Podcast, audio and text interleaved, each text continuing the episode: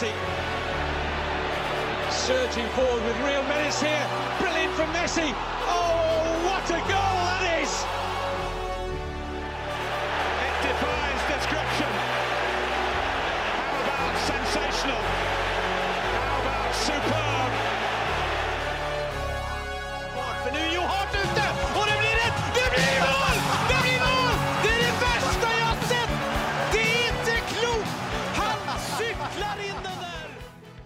Ja da! Velkommen til episode 185 av den majestetiske fotballpodcasten 90 minutter. Med meg i studio er som vanlig Mats Granvold og Søren Dupker. Hallo! Hallo, hallo. Alt bra siden sist? Alt bra? Ah, ja. Det, men det er, det er kaldt. Jeg syns jeg begynner å bli lei.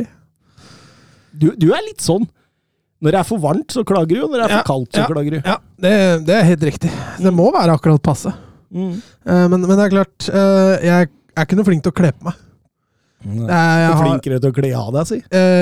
ja, det er mye lettere, selvfølgelig. Men å stå nedpå li og coache og ikke være flink til å kle på seg, det, det, er, det, er, det er dårlig deal, altså. Du har fryst i dag, med andre ord. Ja. Og så blir det sånn, du kommer inn i varmen, så blir det sånn daff. Nei. Mm.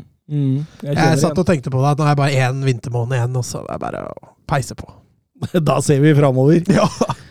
Eh, Søren Dupker, du, eh, ja, du skal jo på tur i Ja, jeg ble jo rammet av konkurs, jeg. Ja, stemmer det. Stemmer det. Denne, dette fæle flyselskapet. Ja, det var jo Jeg hadde jo billetter uten mellomlanding og direkte til Milano på vei til Milano i, på fredag, og fra Milano på mandag for å tilbringe en langhelg eh, i Italia, som eh, inkludert derbyet på Giuseppe Meazza på søndag kveld. Det er jo hovedmålet med reisen, egentlig. og Konkursen eh, på tirsdag eller i går, den eh, Den tok meg ikke på senga da, men den var svært, svært ubeleilig. Så nå fikk vi heldigvis booket uh, ny reise, men nå med mellomlanding. Uh, selvfølgelig er det dyrere, og nå går det allerede i morgen kveld klokka seks. Og så er vi da i Milano kvart over ti på kvelden. da. Mm. Mm. Det, det, det, er vel greit. Ja, det er greit. Altså, det viktigste er jo å komme seg ned. Uh, jeg sjekket jo først uh, priser til, til SAS og sånt, og da var det voldsomt dyrt. Og det tror jeg kanskje ikke hadde helt gått, da. Uh, Mm. Men så googlet jeg, og googlet også fra torsdag, kveld, tenkte vi jobber jo ikke torsdag kveld, så vi kan jo se om det går noe torsdag kveld, og da fant vi heldigvis noe som fløy ned og opp igjen til en forholdsvis rimelig pris, da. Men det er penger du ikke får igjen. Jo, altså de flypenger de får jeg forhåpentligvis igjen fra banken, da. Oh, ja, ok. Eh, så jeg har, skal søke om sånn refusjon. Har tatt første steg i dag, men så er det klart at de billettene blir kjøpt på uh, Black Week Sale, da. For jeg visste jo at vi skulle, og da var det jo tilbud og alt. Og når du kjøper en flyreise to dager før, så blir den jo automatisk dyrere. Sånn er det bare. Mm. Åssen tror du det er å fly med Søren Dupker?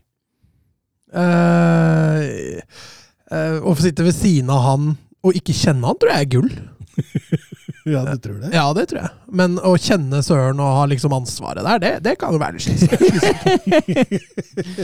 Så, så Ja, jeg tror han er den perfekte sidemannen hvis du ikke kjenner han, liksom. ja. Ja, jeg jeg tror ikke han tar mer plass enn han må. Nei, Men, men, men tror du ikke han kan irritere seg over sånne småting? Jo, men han sier jo ikke fra til folk han ikke kjenner. hvis du åpner opp eh, en pose med nøtter og begynner å knaske, så er det nok til å irritere Nei, nei, nei, faktisk ikke. Det er ikke det. Altså, det, det, det som irriterer meg, er, det er to ting. Folk som bruker unødvendig lang tid i sikkerhetskontroll. Det irriterer meg. Eh, og folk når det står klart og tydelig at fra rad 16 til 31 så skal du inn bakerst. Folk som, og så sitter du på rad 17-18, da. Og så går du inn bakerst fra det som står, og det som sies. Og så møter du på vei til plassene møter du en som kommer fra andre enden. Mm. Det irriterer meg. Da, da blir jeg ikke sånn superblid. Men uh, utover det, altså Tør du å si fra? Kan være an på situasjonen, da. Du må gå ut igjen og gå andre veien, sier Nei, du det? så, som regel tar jo tar, Det står jo som regel eh, en uh, flyvert eller flyvertinne uh, i midten, og da sier de ifra til vedkommende som gikk feil, at nå må du tilbake. Og det er veldig fint. Ja. Det er veldig greit. Ja, det skjønner jeg. Da smiler du godt. Og... Ja, eh, Ja. Nå snur du, ellers så sparker jeg deg ut igjen. Ja, men jeg skal jo bare på den raden foran deg, det bryr jeg meg ikke om. Kom deg til helvete ut igjen. nei, men det, det, er, det er en sånn ting som jeg syns er irriterende. Da. Det, Ja, ja. Eh, Ja, ja, nei, jeg synes det, hadde, det er- jo et sosialantropologisk studie, tror jeg, tenker jeg, å være med deg på en flyplass. det, Det, det er helt sikkert. det, det må være en eller mastergrad av et eller annet slag, tror jeg. Det, Det er fasit. Ja, det, det er fasit. Det er fasit. Du, du, du blir ikke stoppa duppa i sikkerhetskontrollen, du. Fordi alt er liksom Nei, jeg føler jo at jeg har det meste på plass. Ja. Uh, og jeg veit jo hva, hva som skal hvor. Jeg veit jo at jeg må ta ut PC og sånne ting, og jeg veit jo at jeg ikke skal ha noe metall på kroppen og alt det der.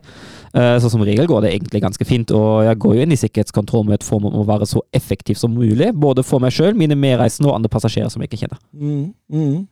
Husker du når vi var i, i, i Polen, Mats, når vi gjemte den spritflaska oppi bagen til det ene reisefølget vårt?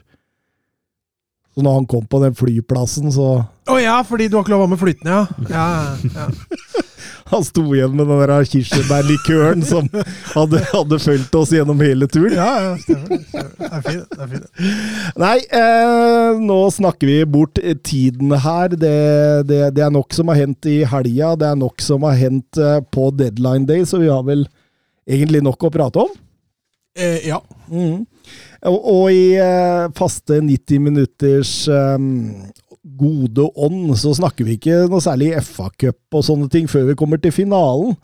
Men, men siden vi har, vi har fått så enormt mange Premier League-spørsmål, og, og spørsmål knytta til denne kjøpefesten som, eh, som Premier League-laget har stått for, så, så vi kjører en Premier League-vignett likevel, vi. Balotelli,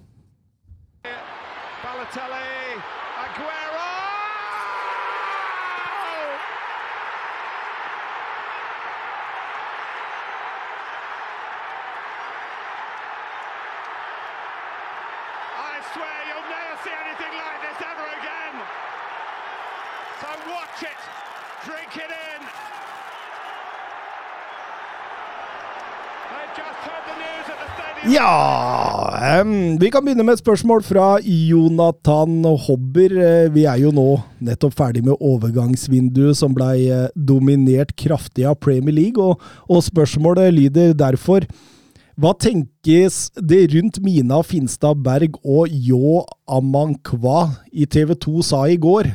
Angrep eh, på Premier League og pengebruken som gjør fotballen fattigere. Er det noen av dere som fikk med dere intervjuet? Ja, altså jeg så det ikke live, men jeg leste artikkelen etterpå, uh, og det var vel poenget at uh, altså, uh, at det var jo litt den der kjøpefesten som du er inne på, som ødelegger for andre ligaer, egentlig for fotballen i seg sjøl. Får man få alle de beste spillerne samla. De kan jo ikke være på banen samtidig. Uh, samtidig som det jo selvfølgelig ødelegger konkurranse at én liga dominerer så sterkt som den gjør. Det var vel det som var grunnessensen, hvis jeg har fått det med meg riktig. Men var det eh, angrep på fotballen, eller var det et angrep på Premier League? På Premier League, ikke på fotballen, egentlig. Men, føler jeg. men, men, men, det, men det, det, det Altså Hvis noen tror at jeg og Jon Fredriksen kjører samme bil eller spiser på de samme restaurantene, så må de tro om igjen, altså. altså ja, han er ikke på Mækkern, det er helt riktig. Det er helt riktig. han er på bagatell. Han er på Og, og, og, og altså Markedet bestemmer jo. Det, det ville jo vært veldig rart om Bournemouth skulle tenke vi har pengene, vi, vi kan kjøpe inn spillere for å holde oss i Premier League, men vi velger å ikke gjøre det, i tilfelle resten av fotballen vil bli misunnelig på oss. Det er veldig, veldig rar tankegang. jeg er jo enig i at problemet ikke nødvendigvis ligger hos klubbene. Uh, men jeg er jo også enig i at denne skjevfordelingen som vi nå opplever, uh, med alle de midlene som Premier League har, er i til syvende og sist et problem. Uh, når en nedrykkskandidat i Premier League plutselig har bedre råd enn Champions League-deltaker i Bundesliga, Serie A eller La Liga, da, da er det noe som er feil, altså. Og, og det er jeg helt enig i. Men det er jo ikke Premier League-lagets skyld. Nei, det er ikke lagene sin skyld. Eh, det er med hele systemet, tenker jeg. Ja, det, det er jo TV-avtalen og, Mm. og, og det, rett og slett det at Premier League har flere tilskuere i Kina, i USA, i Afrika, ikke sant? Altså, det, Ja, og rike eiere i tillegg. Ja, jo, jo, for så vidt. Det, men men la, altså nå, øh, jeg, jeg, jeg blir litt sånn men, men la det være sagt, da. At Real Madrid, Barcelona, Paris Saint-Germain, Bayern München Det er jo også alle lag som har vært med på å drive disse prisene fremover. Altså Hvis man tar de 20 dyreste overgangene i, i, i, i um, historien, så står Premier League bare for fem av dem. Ja, det er, jo, det er jo greit nok, og jeg er helt enig i at storklubbene har vært involvert. Uh, men jeg tror jo hovedproblemet ligger i at uh, middelklasseklubbene uh, også begynner å bli såpass svære at en Georgino Rytta plutselig får 40 millioner euro. Ikke har noe problem å hente en, eh, en vinter. Jeg tror kanskje problemet ligger først og fremst der, da. Mm, mm. Jeg føler jeg veide inn her før. Jeg har snakka om dette i tre år. Eh, så dette, det jeg er liksom ikke så overraska, men jeg er helt enig med deg, Thomas. Det blir, det blir dust å forvente at det- klubbene i Premier League skal, skal liksom sitte med medfølelse overfor andre. Det, det, det ville jo også blitt helt feil. Eh, så vi må jo kunne forvente at de klubbene også bruker de midlene de har, da. Eh, så, så at man skjønner jo det. Eh, når det gjelder TV-avtaler og sånn, ja. Det kan jo ikke La Liga, Bundesliga, de kan jo ikke noe for dette av dem. Eh, det jeg fall kan veie inn om La Liga, da, der er det jo et lønns... Altså, der er det jo i forhold til Du kan ikke registrere spillere hvis du ikke har råd til det. Mm. Eh, Det vil da si i forhold til inntekt, hva, hvilken plassering du fikk i fjor. Det vil da si at for, for en klubb på nedre alder i La Liga, da, selv om de hadde hatt mye penger, så hadde det ikke gått an å investere stort i mange spillere. Nei, de kunne ikke kjørt en Todd Boiley. Nei, de kunne ikke gjort det. Eh, på grunn av La Liga ville, ville nekta å registrere spillerne. Mm.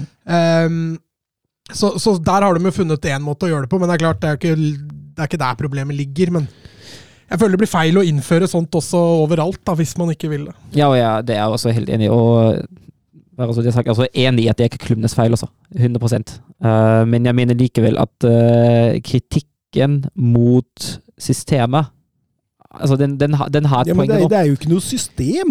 Jo, systemet Premier League har jo Altså, det ja, men, men, altså, det, det, de- har jo så mye penger fordi de er populære. Jo, jo. Men uh, det er jo fortsatt uforholdsmessig mye.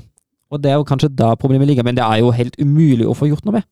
Ja, ikke sant? Det er det jeg mener. Du, du får jo ikke gjort noe Nei, med det. Fotball er en konkurranseidrett. Det er en marginal konkurranseidrett. Og man vil jo bruke penger for å bli den prosenten eller to bedre. Eh, Så, så, sånn er det jo bare. Ja, sånn, altså. altså, For meg så blir det litt sånn naivt, litt sånn sosialdemokratisk uh, greie, men um, fikk litt lyst til Fikk litt lyst til å høre intervjuet nå. altså jeg, jeg har bare jeg vet ikke, Du har ikke sett det, du heller? Nei? Nei, fordi jeg har bare Jeg tror jeg har bare kanskje dårlig gjengitt det som blir sagt, da. Uh, jeg har ikke skrevet inn og tatt noen notater, så det kan hende at det er noen punkter da som jeg rett og slett har glemt. I så fall beklager. Kanskje fotballen skulle blitt litt mer kommunistisk? ja, men, At alt går i samme potten, og så deles det bare likt?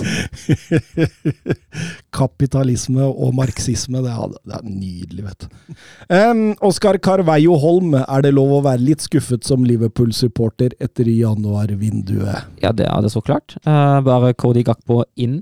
Uh, og det er jo noen flere byggeplasser i det laget, men uh, januarvinduet, det er vanskelig. Men ja, selvfølgelig. Den uh, skulle selvfølgelig ønsket seg at med tanke på hvordan laget har prestert, og med tanke på byggeplassene som finnes, at det kanskje hadde blitt enda mer inn.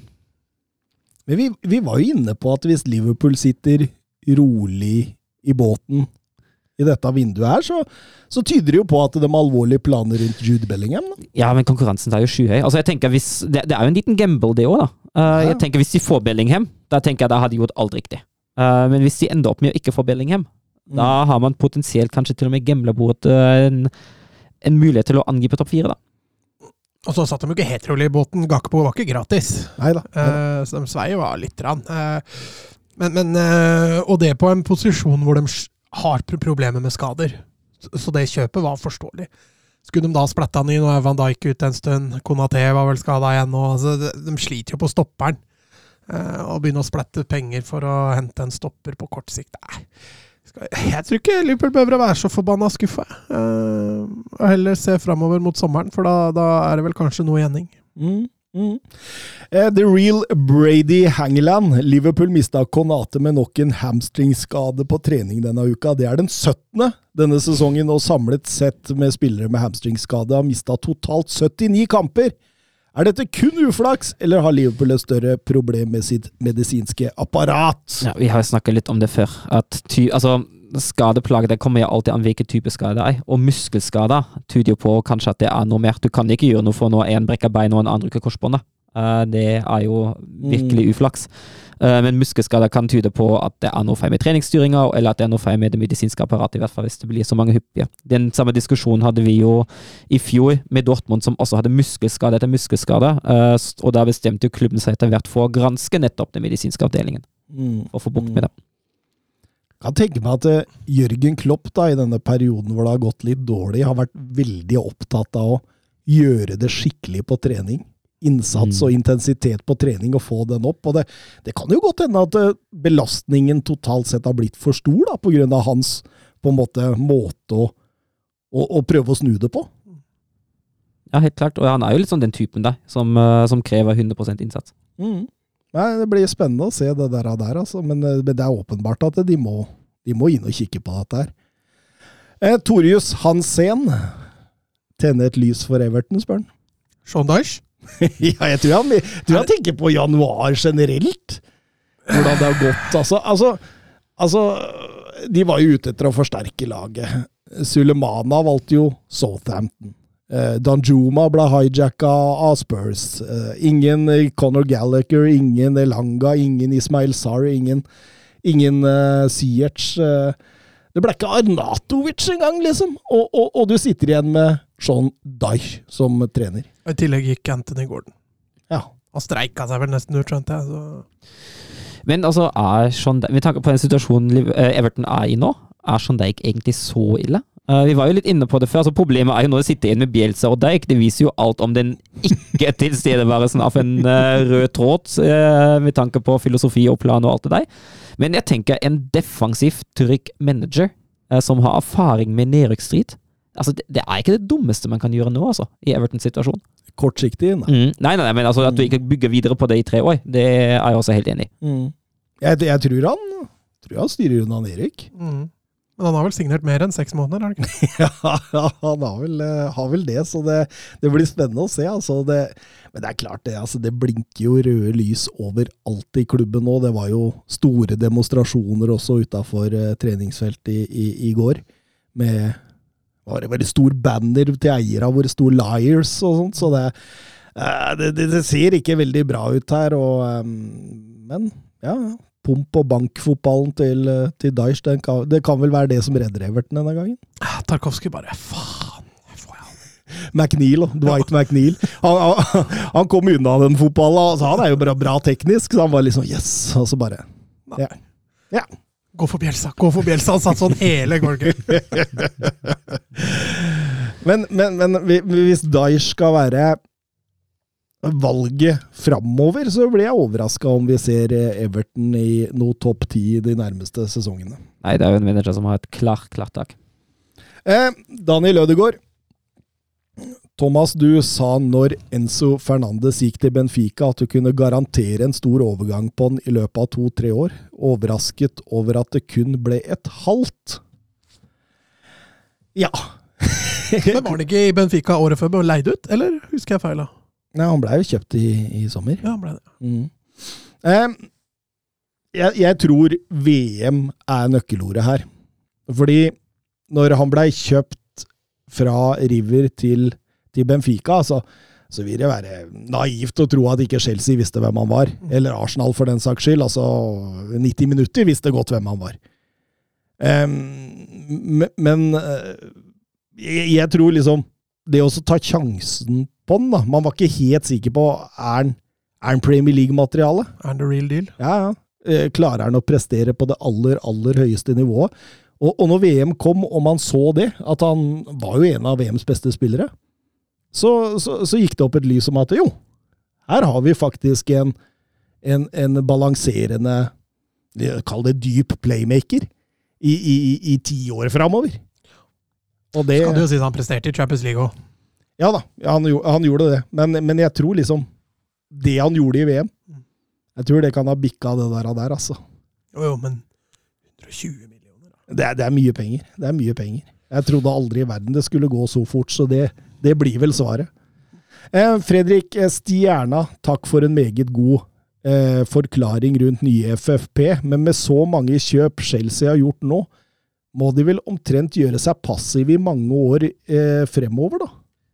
Jeg var jo litt inne på det siste at det er jo en risiko. Selvfølgelig. Når du får del av den overgangssummen på Modric og Enzo Fernandes over lang tid, så blokkerer de jo framtidige midler. Så det er jo vanskelig å si hvordan det blir, for det er, det er jo ingen som har gjort dette her før. Nei. Det er jo helt nytt. Eh, jeg tror ikke Chelsea-fansen skal belage seg på at det blir så mange vinduer som dette framover. Nei, og så altså, var vi inne på det siste, at strategien er så tydelig. da. Det er unge spillere for framtida. Du kan ikke kjøpe 100-millionersklassen hvert år og så kjøpe bare ungt, for da, da ender du jo opp da med 35. Så manipulativt bilde av Chelsea-lagbildet nå. Det var, eh, det, var, det var festlig. Det var mye, det var mye spillere. Måtte zoome greit ut for å få med alle. Uh, og, og sånn kan de jo ikke holde på uansett. Sånn at eh, jeg tror nok dette er en, er en solid investering på et, på et år eller to, hvor de skal bygge opp stallen. Og så blir det roligere med maks ett kjø, et storkjøp i året. Mm. Mm. Hakim Ziyech Det røyk vel den dealen der helt Ja, mot hva, slutten? hva skjedde da? Jeg leste at Chelsea sendte feil dokument eller noe sånt. Altså. Sendte det samme dokumentet flere Altså, ganger. at det går an. Det er flaut. Ja, og synd, synd for ham, da, først og fremst. Ja, for det, nå har jo han, han har jo så mye konkurranse om Ja. plassene at han får jo ikke spille. Mm. Og du veit at klubben gjerne vil. Altså, det Nei, den er tung for Joakim Ziyech, ingen tvil om det. Um, nisselue på. De fleste eksperter omtaler Chelsea-strategi med å fordele overgangssummen over lange kontrakter som smart, men er ikke dette gambling? Med 10-15 mill. i året på avdrag på 10-15 spillere hvert år, det blir jo en del. Og nå uteblir sannsynligvis Champions League-inntektene også. Jeg kan jo svare det samme som jeg gjorde på forrige spørsmål. De går litt i hverandre, si. Ja, den blir jo 10-15 millioner, da, har jo det på Det blir jo ikke så mange, da. Eh, La oss si de har én eller to storkjøpte sommer nå, da. Henter en spiss og kanskje en indreløpertype. Eh, De trenger jo ikke noe mer. Og da, da behøver de jo ikke flere mer enn et, maks ett storkjøp i året, bare for å fornye. Eh, Tiago Silva må kanskje erstattes etter hvert, men ja, jeg, jeg, jeg tror nok det går helt fint, og at det er en klar plan på det her. Så jeg tror ikke du skal svette selv om du er Chelsea-supporter av den grunn. Altså. Så, så tenker jeg jo det at det, er jo ikke så veldig mye annerledes enn å selge fremtidig TV-rettigheter.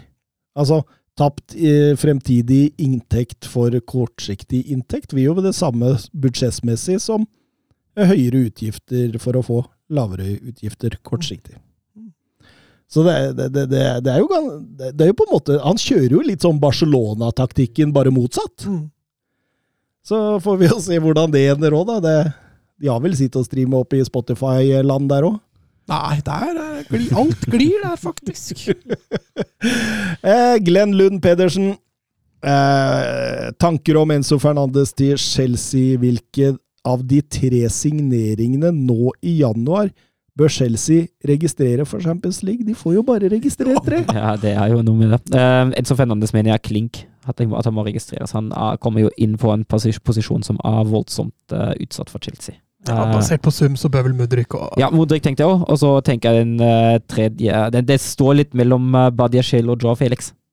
Mm. Det er akkurat der han er litt tøff òg, fordi hvis han skal velge kynisk, så bør han jo velge Badiashil. Mm. Ja. Plassen til Felix har man jo flest mulig. Ja.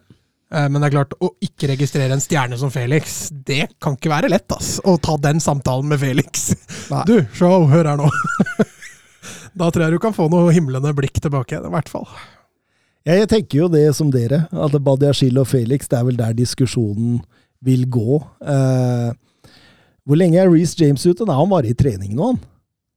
Så da utelukker vel det også Malo Augusto. Ja, Man kan leid rett ut igjen til eh, Lyon. Han blei det? Mm. Ja, ok. Han skal være i Lyon ut sesongen. Mm, det er kanskje lurt. Ehm, FPL Ullern, hva tenker dere om prisen på Enzo Fernandes til 5,0? Et kupp! Ja, men så kommer vel ikke han til å produsere så voldsomt med målpoeng heller, tenker jeg. Eh, Det er jo en heller dyptliggende midtbanespiller som ikke nødvendigvis er den som står for flest assist og mål. Ja, FPL Ullern, eh, da snakker vi om fantasy, og jeg regner med at det, det blir Ja, var ikke det han betalte? Fem millioner euro, liksom? det blir mye tredje sist, tror jeg. Ja.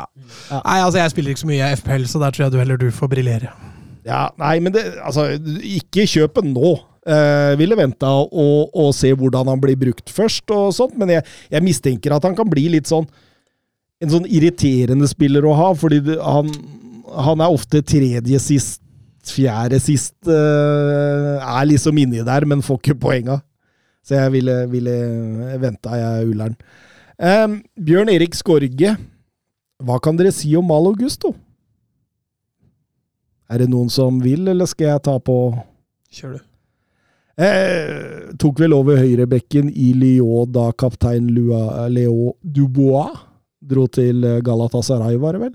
Eh, vi vil jo si at han er mye bedre offensivt enn defensivt. Altså, det er en sånn energisk type. Veldig, veldig god i possession-spillet. Veldig bra finteknisk, egentlig. Bra tempo. Eh, litt sånn typisk wingback. Eh, litt glad å bli med framover og sånt. Eh, eh, når han begynte å spille fast på Lyon, så blei han ofte sammenligna med Trent Alexander Arnold, og så er jeg ikke sånn veldig glad i de sammenligningene, men, men det gir jo en liten indikasjon, og det er vel, det er vel greit å, å, å kalle det en sånn type. Ja, så tror jeg han er eh, Han er vel kanskje best som wingback. Eh, så hvis man spiller med en fembackslinje eller noe sånt, så, så, så tror jeg nok han kommer best i sin rett. Eh, best offensivt eh, kontra, kontra det defensive, men, men en spennende signering. og og det er klart, når du har Reece James, da, å få tak i en, en backup der, det, det, er ikke lett. Eh, så Malo Gusto tror jeg kan være en strålende backup der, hvis han godtar den rollen. Mm. Magnus in Indridason kommer Chelseas helt ekstreme pengebruk under Todd Boiley til å ødelegge markedet og skape inflasjon i spilleprisene. Ja, nå var vi vel også toucha innom det for et par episoder siden, og det, og det gjør det jo. Det ser vi jo. Eh, eh Mudrik eh, snakka vi mye om. Eh, ble sammenligna med Anthony igjen. Og så, altså dette er jo spillere som kommer fra klubber mm, som har prestasjoner i bagasjen som ikke tilsier over 100 mil. Så det er klart dette påvirker. Eh, og, det, og det kan vi jo hoppe tilbake igjen til det Mina Finstad Berg og dem eh, snakka om. Altså, de henter spillere som ingen andre klubber nå har råd til. Det er kun Premier League-klubbene som har råd til de spillerne, og da gjerne de største Premier League-lagene. Uh, uh, sånn at uh, det er selvfølgelig preger av det. det er ikke til å komme utenom det. Nå må man leite enda grundigere, enda bedre, hvis man skal utfordre de, de pengesterke i Premier League. Det sier jo til og med at det påvirker Eliteserien. Syns det har gått opp noe voldsomt ja, i prisene. Det har det. Det har det. Jeg tipper jo at altså, det er både det interessen av Premier League-klubber som vi får fra fana, og at at norske klubber har begynt å utmerke seg litt mer nå internasjonalt. Mm. Altså, altså hjelper det sikkert å ha, å ha, to store profiler nettopp i Premier League òg.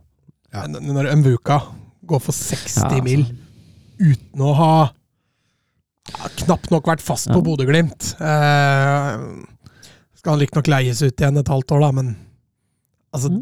det, er jo, det er jo helt mongolid hvordan, eh, hvordan systemet der nå er blitt. altså. Mm. Mm. Um, ja um, Ville snakke litt før vi går videre med om Jorginho-avtalen. Um, så dere den kom, eller? Nei, egentlig ikke. Den kom, kom overraskende på meg, i hvert fall. Ja. Litt, så, litt, som, litt som Dorothy òg, egentlig. Mm. Ja, den, eh, den, eh, så jeg ikke helt komme heller. Det er jo en spiller som egentlig ikke går inn og erstatter verken Party eller Sjaka. Det er jo en helt annen spillertype. Eh, på en måte kanskje fornuftig. Det gjør at gjør Arsenal litt mer dynamiske i midtbaneleddet. Nå, nå har de enda en streng å spille på. Så har vi jo snakka om det før. da. Ingen, jeg tror ingen er som mener Jorginho hører hjemme i toppen av Premier League lenger. hva han har levert. Men så, samtidig da, så tror jeg Arsenal også, og Arteta, spiller en fotball som kanskje passer Jorginho ja, men Spiller han ikke for mye på tvers? Da? Jo, men jeg tenker på i frispilling og sånne ting, da, så, så, tror jeg nok han passer bedre inn enn både Sjaka og Party. Men jeg blir jo overraska hvis han får inn Jorginho i det systemet her, altså. Jeg tror, jeg tror ikke han kommet Altså, Ateta har jo knapt nok gjort endringer på laget. Uh, egentlig i det hele tatt, bare hvis han er tvunget til det. Uh, så jeg tenker jo at dette har en troppsspiller, først og fremst. Mm. Men, men, men, men, åpenbart en sånn Ok, nå nå får Chelsea Enzo Fernandes, og da åpner det seg en mulighet. Fordi altså, Arsenal har jo vært veldig på Moise Caicedo. Mm. 60 mil, 70 mil, men, men, men, det er jo en veldig annerledes type midtbanespiller, dette, enn Moise Caicedo. Og det er det jeg ikke får til å gå helt opp. Mm. Ja, der har du en spiller som kanskje er, eh, er best når laget har ball, eh, mens du har Caicedo, da, som er, er kanskje best motsatt. Så Eh, mangler kanskje en rød tråd, men jeg tror nok også Arteta var fornøyd med erfaringa du får inn med Jorginho. Da vi har vært inne på det mm. før. Arsenal, fryktelig ungt lag. Her får du en spiller som har opplevd det meste, eh, og som kan bidra vel så mye på treningsfeltet som, eh, som i match. Mm. Men Caicedo tok farvel på Twitter. Jeg syns det er så bra at Brighton bare Nei! Det er fint, det. Du blir her, du. Ja. Det er ikke du som bestemmer når du skal få en overgang, skjønner du. Absolutt ikke. Jeg, jeg, jeg vil også, før vi går videre med disse spørsmåla, nevne Southampton. Som henta både Kamaldin Sulemana og, Paul Unacho, som er jo Altså, er jo en beist av en spiller. To meter høy. Har gjort skåringer til en lek i, i Belgia denne sesongen. Blir blir ekstremt spennende, altså, for her har du både en servitør og en avslutter. Og, og det har Southampton mangla, så det, det, det, kan være altså, mye av grunnen til at de klarer å redde seg. Altså. Um, Martin Støvland. Petter Martin Støvland. Eh, Destiny Oduchi og Pedro Porro på hver sin wingback fra neste sesong. To av Europas mest spennende wingbacker. Hva må Paratesi gjøre i sommer om Tottenham skal bli en seriøs tittelutfordrer? Må forlenge med konto, i hvert fall, for andre manager spiller jo med fire bak, så da er det jo helt håpløst. ja, Tuchel kan gå, da. Ja, da Tuchel, ja. Hvis Tuchel kommer inn, så, så vil jo Men det har vært veldig kjipt å gått over til en med firebeckslinje nå! Ja, nei, vi har vært inne på det før. En kreativ kraft på midten jo, er jo et savn i, et savn i Tottenham. Eh, og så har vi jo sett også nå at bredden i Tottenham er for dårlig. Eh, å kjøpe bredde er kanskje heller ikke så enkelt, men, men eh, jeg tror i hvert fall du må begynne et sted. Jeg tenker altså en ny keeper. Ja, og en venstrefota stopper. Ja. Så tror jeg vi er der. Ja, kjøp lengre. Kan få billig. Kan få billig tror det er ganske klart at de kommer til å gå 100% inn for Hinkepy til sommeren. Spennende. Umtiti kan dere få. ja, han driver og surrer ned i Serie A nå. Får nesten ikke spille heller. Koser seg, han. Eh, Cristiano Donaldo, et nydelig Twitter-navn. Eh, kan Søren gi hans tanke på Sabitzer-utlånet til Manchester United? Eh, han har vel ikke vært noe mer enn benkesliter i Bayern? Jørn Henland spør om det samme. Ja, og det er jo bekymringsverdig den Bayern-perioden hans. fordi han gikk til Bayern som det neste steget som han skulle ta, uh, som var et logisk steg på den tida, uh, en, sammen med en trener som han kjente veldig godt, og som kjente ham. Uh, og da skulle man tro at det skulle gå. men han har, han har vanskeligheter, eller hadde vanskeligheter med å spille seg inn i den duoen Kimmich Goretzka, men så har jo de vært ute ofte nok. Men selv om han har fått de sjansene, så har han ikke tatt vare på det. Det har vel vært i beste fall solid, men det har vært noen direkte svake kamper som han ikke kjente på det nivået av seg i Leipzig. Så ja, eh, den siste utviklingen de siste et og et halvt året, det er ikke særlig, særlig lovende. Eh, nå har også Rian Ravenberg gått forbi ham i køen, eh, og det er derfor Bayern har sagt at et utlån nå er helt greit.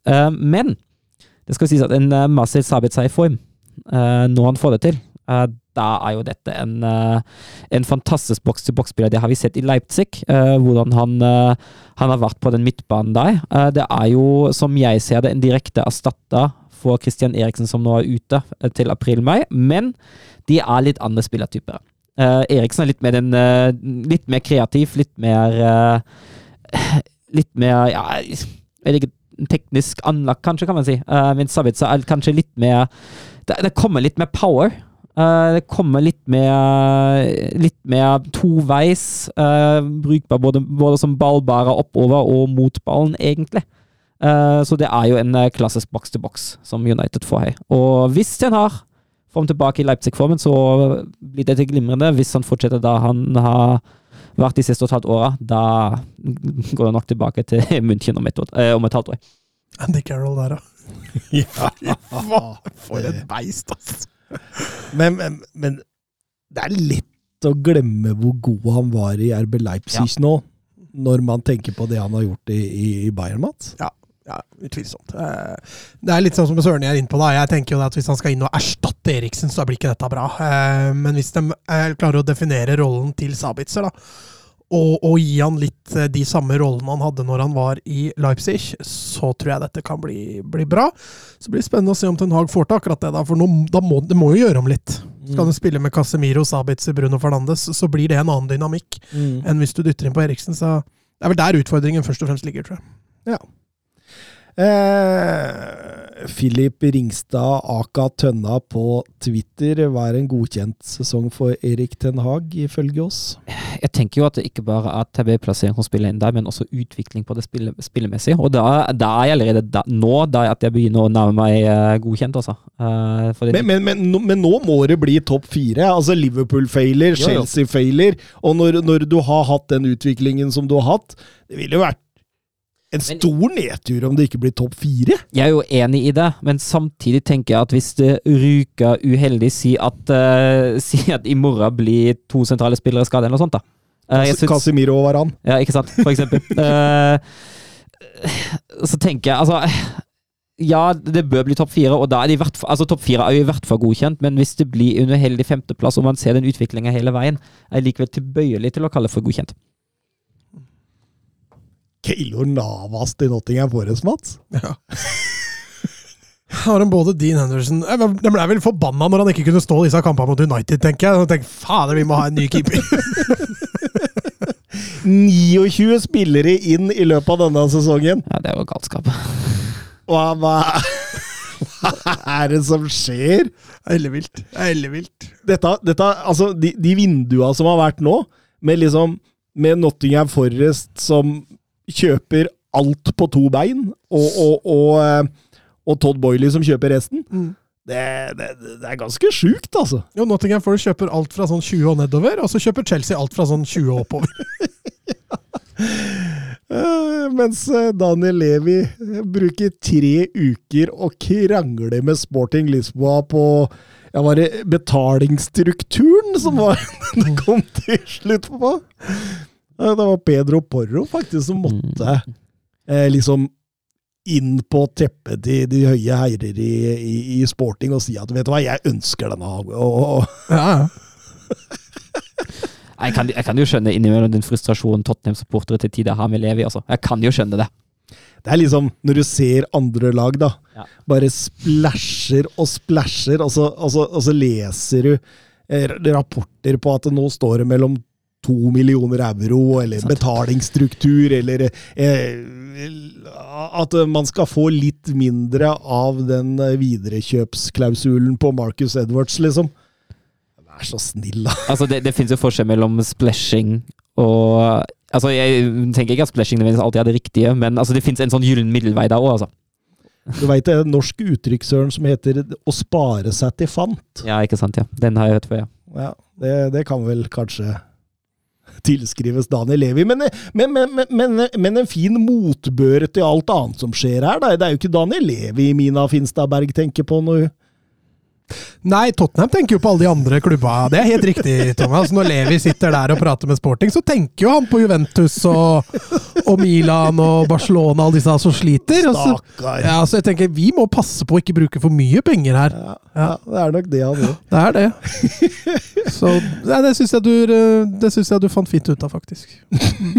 Den kom du veldig bra ut av. Kristoffer Drevsjø Eikås. Eh, hva tenker dere om overgangsvinduet til de seks store i Premier League? Hvem var vinner, og hvem var taper? Ja, altså Hvis man ser på de rene tallene, da, eh, så er jeg nesten da at jeg mener at Manchester City er taperen. For det forsvinner en av verdens absolutt beste backer ut. Eh, vi har satt ham inn på, eh, på årets lag i 2022, ganske klinko. Mm. Og å miste ham gjør ikke den troppen da bedre. Så jeg Hva er det som har skjedd der? Er det noen som har lest det? Krangla med Pep ganske voldsomt. Har han gjort det? Ja, ryktes i hvert fall. Vi, vi, vi kommer tilbake oh, ja. til det i Bayern-bolken, så de som vil høre det, dem eh, mm. Men altså, taperen for meg, altså, det er nesten sittet med tanke på ren kvalitet. Ik ikke, ikke, Liverpool, da. Nei, har, altså, de har jo tross alt styrka. Det har de, det. Ja, jeg syns det. Sånn han spiller for tiden. Nei, ikke nå, altså. Men altså, da, han er en ung spiller som kommer i en klubb i utlandet for første gang, og i den klubben er ting ikke helt på plass akkurat nå. Eh, så jeg tenker at man må gi ham litt tid, altså. Var det ikke du som sa det, Mats? Eh, men det var ikke under innspilling. At, uh, er det lov å si at han Flopper om ett og et halvt år? Ja. Nei, han begynner å spille om ett og et halvt år. Han er motsatt av Jota. ja, stemmer. Eh, men vinneren er jo Det må jo være Chelsea. Ja. Ikke hvis du tenker kroner. Nei, Nei, men, hvis du tenker på Kvalitet. Ja. Ja, ja, ja. Det, Det er ingen tvil om at Chelsea er styrka nå, ja. Det, det kan, vi, kan vi sette to streker under svaret på. Mudryk, Enzo Fernandes, Malo Gusto, Be, eh, Benato, eh, Badiashil, Noni Madueke, Andrej Santos, David Fofana, Joao Felix og Nkunku bekrefta til sommeren. Nei Det mener alvor på Stamford Bridge. Definitivt. Definitivt. Eh, Tor Pettersen Larsen eh, kom overens om hvem som er de tre beste signeringene på selve deadline day. Pris og behov, faktorer som må tas med i regnestykket. På deadline day. Ja. Oi. altså, Joao Cancelo er jo for meg altså, Bare Premier League eller generelt nå i Europa? Nei, det tror jeg, det, det tror jeg jo generelt. Ja, altså, Joao Cancelo, de har, Bayern har en kjøpsopsjon på ham. Eh, men hvis de ikke vil ha ham om et halvt år, så bare får de en av verdens beste backer gratis et halvt år. Uh, strålende. Uh, for Ja, meg. gratis og gratis. Det var åtte millioner euro. Jo, men så å si, da. Ja. Uh, det er småpenger i forhold. Mm. Eh, så jeg tenker jo at den er helt der oppe. Ja. Det er jeg helt enig i. Mm. Ja, ja. En, en, en motivert Joao Cancelo. ja, altså behov er jo Det er jo ti av ti. Ja. Mm. Eh, så Og hvis det er åtte millioner euro, så er det også ti av ti et halvt år. Ja. ja. ja. Og så har man vel på 70 millioner euro. Ja, Det er jo det City kjøpte den for, er det ikke det? Det var De- noen Danilo-greier inni Ja, der. det var noen Ja, ja. byttegreier der. Ja. Mm. Litt vanskelig å si nøyaktig. Og så syns jeg også Pedro Porro må nevnes der. For det er jo en spiller som er ung, har god utviklingspotensial, var ikke dyr, dyr han var jo dyr, men eh, han koster ikke 120 millioner euro. Eh, og det er en posisjon som Tottenham sårt trenger en spiller på. Og han passer perfekt inn i kontrasfotball. Ja. Og Vetle Skjærvik, tenker jeg tredje der. Bare fire mil. Ja, jeg er helt enig, Søren. Har du en treo, eller? Åh, det, det er det, Nei, Nei, er det feil å ha Enzo Nei, Fernandes? det, det, det er det jeg skulle si. Ja, Jeg vil, jeg vil ha han med på lista, jeg. Ja, det, og det, det er jo prisen som trekker ned, for behovet er jo helt klart Mhm. gitt. Eh, Det er jo, vi har jo snakka her nesten, nesten siden overgangsvinduet åpna at Chelsea trenger en sentral midtbanespiller. Mm. Så ja, det kan Ja, det er jo prisen som som sagt trekker ned. da. Ellers er det jo ekstremt spennende med gratis overgang på Florian Tauvin til, eh, til Odinese. Da. Den syns jeg var artig. Jeg måtte lese to ganger, faktisk, når jeg så den tikka inn på telefonen. Em, Kim Jansen han er jo litt innpå det, det vi har uh, snakka om. Han, han spør tre overgangsvinduvinnere. Uh, Chelsea er vel nummer én. Ja, må det. Eh, Det må, det må bare bli sånn. eh, Og så er jo det å bare kvitte seg med Cristiano Ronaldo nok til å være topp tre. ja, og så har man jo henta inn eh, to løsninger på problemer uten noe risiko heller. Billige Ja. men, men vi kan ikke Nei. Ta Manchester United, liksom. Var det den Ja, jeg, det er, jeg vet ikke, det er, altså, det er, det er nesten mer tilbøyelig til Men å si henta ikke Bayern mer enn bare Cancelo? Jo, de henta de hentet Cancelo og Sommer. Ganske god, Mm. god deal der òg, altså. Men, men, men Wolverhampton, da?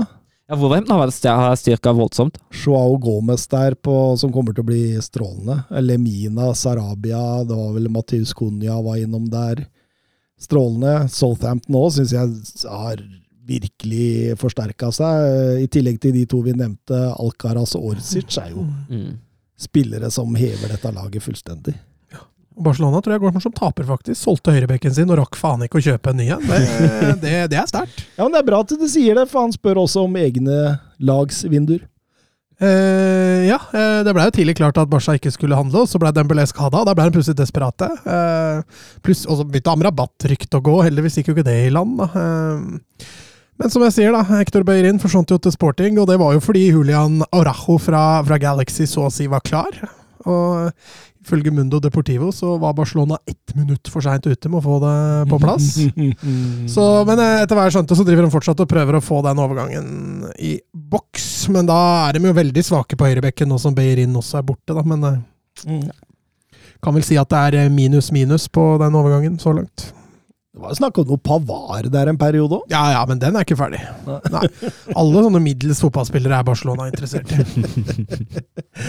Hva med Wolfsburg sitt vindu, Søren? Jeg er fornøyd. Eh, man har henta inn uh, Nicola Kotza, en venstreback, for ca. 500 000 euro. Eh, jeg snakker jo lenge om at vi trengte en ny venstreback. Det har også med å gjøre at man eh, slapp Jerome Roussillot til Union Berlin. Eh, halvt år før kontraktslutt har vi fått noen småslanter for ham, uh, uvisst hva, men det er også helt greit. Han har jo stagnert noe voldsomt. Kotsa også seks år yngre. Og så har man kvitta seg med konstant misfornøyde og utsorterte Josip Brekkalo, uh, som uh, har jo ødelagt karrieren sin da han mente at Torino, fra Champions League-klubben Wolfsburg til Torino, det var store steger for ham. Uh, Altså Halvt år igjen av kontrakten fikk faktisk fortsatt 1,5 millioner euro fra Fiorentina. Det er helt godkjent, det. Og Maximilian Philip har gått på lån til Veda Bremer, og enda en som, uh, som, er ned fra lønnslista for denne gangen. Så jeg er egentlig veldig fornøyd, ja. Det var små korrekturer, og det var akkurat den korrekturen som tenktes. Ja, um, jeg er sånn passelig fornøyd. Um, Danjuma skårte i debuten sin i FA-cupen. Uh, veldig gøy får jo litt mer forhåpninger da. Um, fin avslutning var det òg. Det var ikke akkurat mot City de spilte, da. Nei da, nei da, men likevel. Altså, greit å starte med, med mål. Skjønner det. Eh, Pedro Porro det er noe vi virkelig trengte, så den er strålende. Men jeg hadde også håp om enten en, en, eh, en offensiv, litt kreativ type midtbanespiller, eller en uh, stopper. Ikke en keeper? Nei, ikke, jeg, jeg skjønte at det hadde de ikke fått i dette vinduet her. Så, så, så, så ja, så mellomfornøyd. Og så er det jo Hva er det vi lånte ut der, da? Brian Gill eh, til, til Sevilla. Jed Spence. Jed Spence til, til, uh, Harvey til White. Det. Harvey White var ut, og Dorothy Ja. terminert kontrakt, Mm. sånn at de, de fikk skippa han også, fordi det var jo egentlig meninga om en låneavtale, men så fant de ut at ok, telle nå. Ndombele, Lo Celso, eh, Rodon Ok. Vi har mer enn åtte internasjonale lånespillere. vi. Vi kan ikke låne en niende ut. Så da måtte de eh, i hu og hast få terminert kontrakta hans. Blitt enige om at den avslutter vi, og så, og så har, eh, sitter eh, Matt Dorothy nå på et halvtårskontrakt i Atletico Madrid. Den, den er spennende. Kom litt fra, kom litt, kom fra klar himmel, den der, altså. Men, men, men sist Atletico Madrid slet, da kjøpte de jo en høyrebekk fra Tottenham. Og så blei det seriegull. Nei, er det dette? Nei, jeg, jeg tror ikke at Dorothy har akkurat den uh, samme effekten som Trippier, også, men uh, at, at det er en eh, overgang som kan hjelpe Atletico Madrid, ja, absolutt. Vi, når vi først er inne på Atletico, så går vi over til La Liga, vi. Vi har fått et spørsmål til, tror jeg. Og? Av uh, rett til Mats, da. Det kom uh, ganske kort før innspilling av Alex Bjørkan. Uh, det Arsenal vi ser nå, er helt forskjellig fra forrige sesong. Og når det var på det verste, hadde Mats fremdeles trua på Ateta. Så du denne utviklingen komme, eller er du overrasket hvor bra du traff deg? Jeg er litt overraska over bra jeg traff, ja. At det skulle gli, at det skulle gli så veldig, det, det så jeg ikke komme. Men at jeg, altså, du så jo det var noe, spesielt i frispillinga og, og trua på seg sjøl. Det var jo der det først og fremst lå, men at de skulle bli så gode i det høye presset, omstillingsfasen, alt dette, var litt overraskende. Men eh, det er digg når man treffer. Melder jo mye i den podkasten her. Mm, må Treffer- treffe en gang. Treffer sjelden. så Det er ikke- det er jo hyggelig når du først treffer. Så det du sier, er at vi fikk 43 spørsmål i dag? Det kan eh, Det ser sånn ut. Det er 43. Oi, oi, oi. Det, Eh, det, det Dere får bare ha oss unnskyldt hvis vi liksom prøver å, å, å smette litt sammen her eh, og, og sånt. Ellers så hadde vi sittet her til klokka tolv. Så, så Men vi prøver å svare på alt. Skal vi si det sånn? Ja. Og så går vi over til La Liga. Ja assistència de Xavi més que Praeta per Messi, Messi, Messi, Messi, Messi, Messi, Messi, Messi, immens Messi, encara Messi, encara Messi, encara Messi, encara Messi, encara Messi, encara Messi, encara Messi, encara Messi, encara Messi, encara Messi, encara Messi, encara Messi, gol, gol, gol, gol, gol, gol, gol, gol, gol, gol, gol, gol, gol, gol, gol, gol, gol, gol, gol,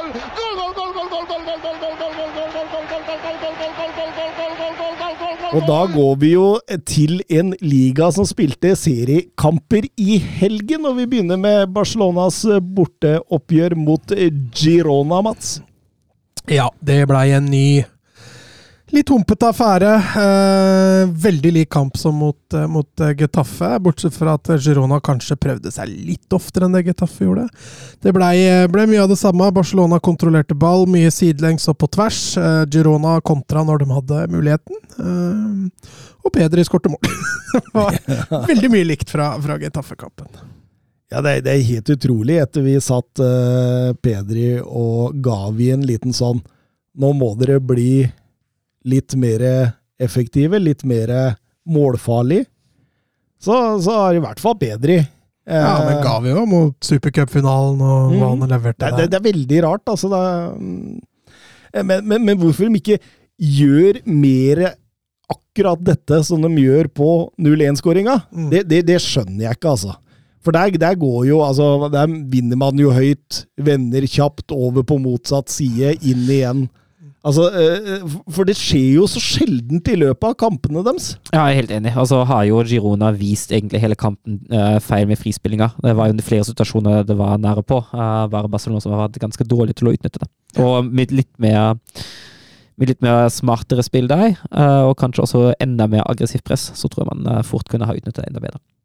Så ser man jo også det mot slutten, at det er, det er litt shaky. Dette er ikke et lag som er helt i mål når det gjelder defensiv trygghet, eh, når du leder med én.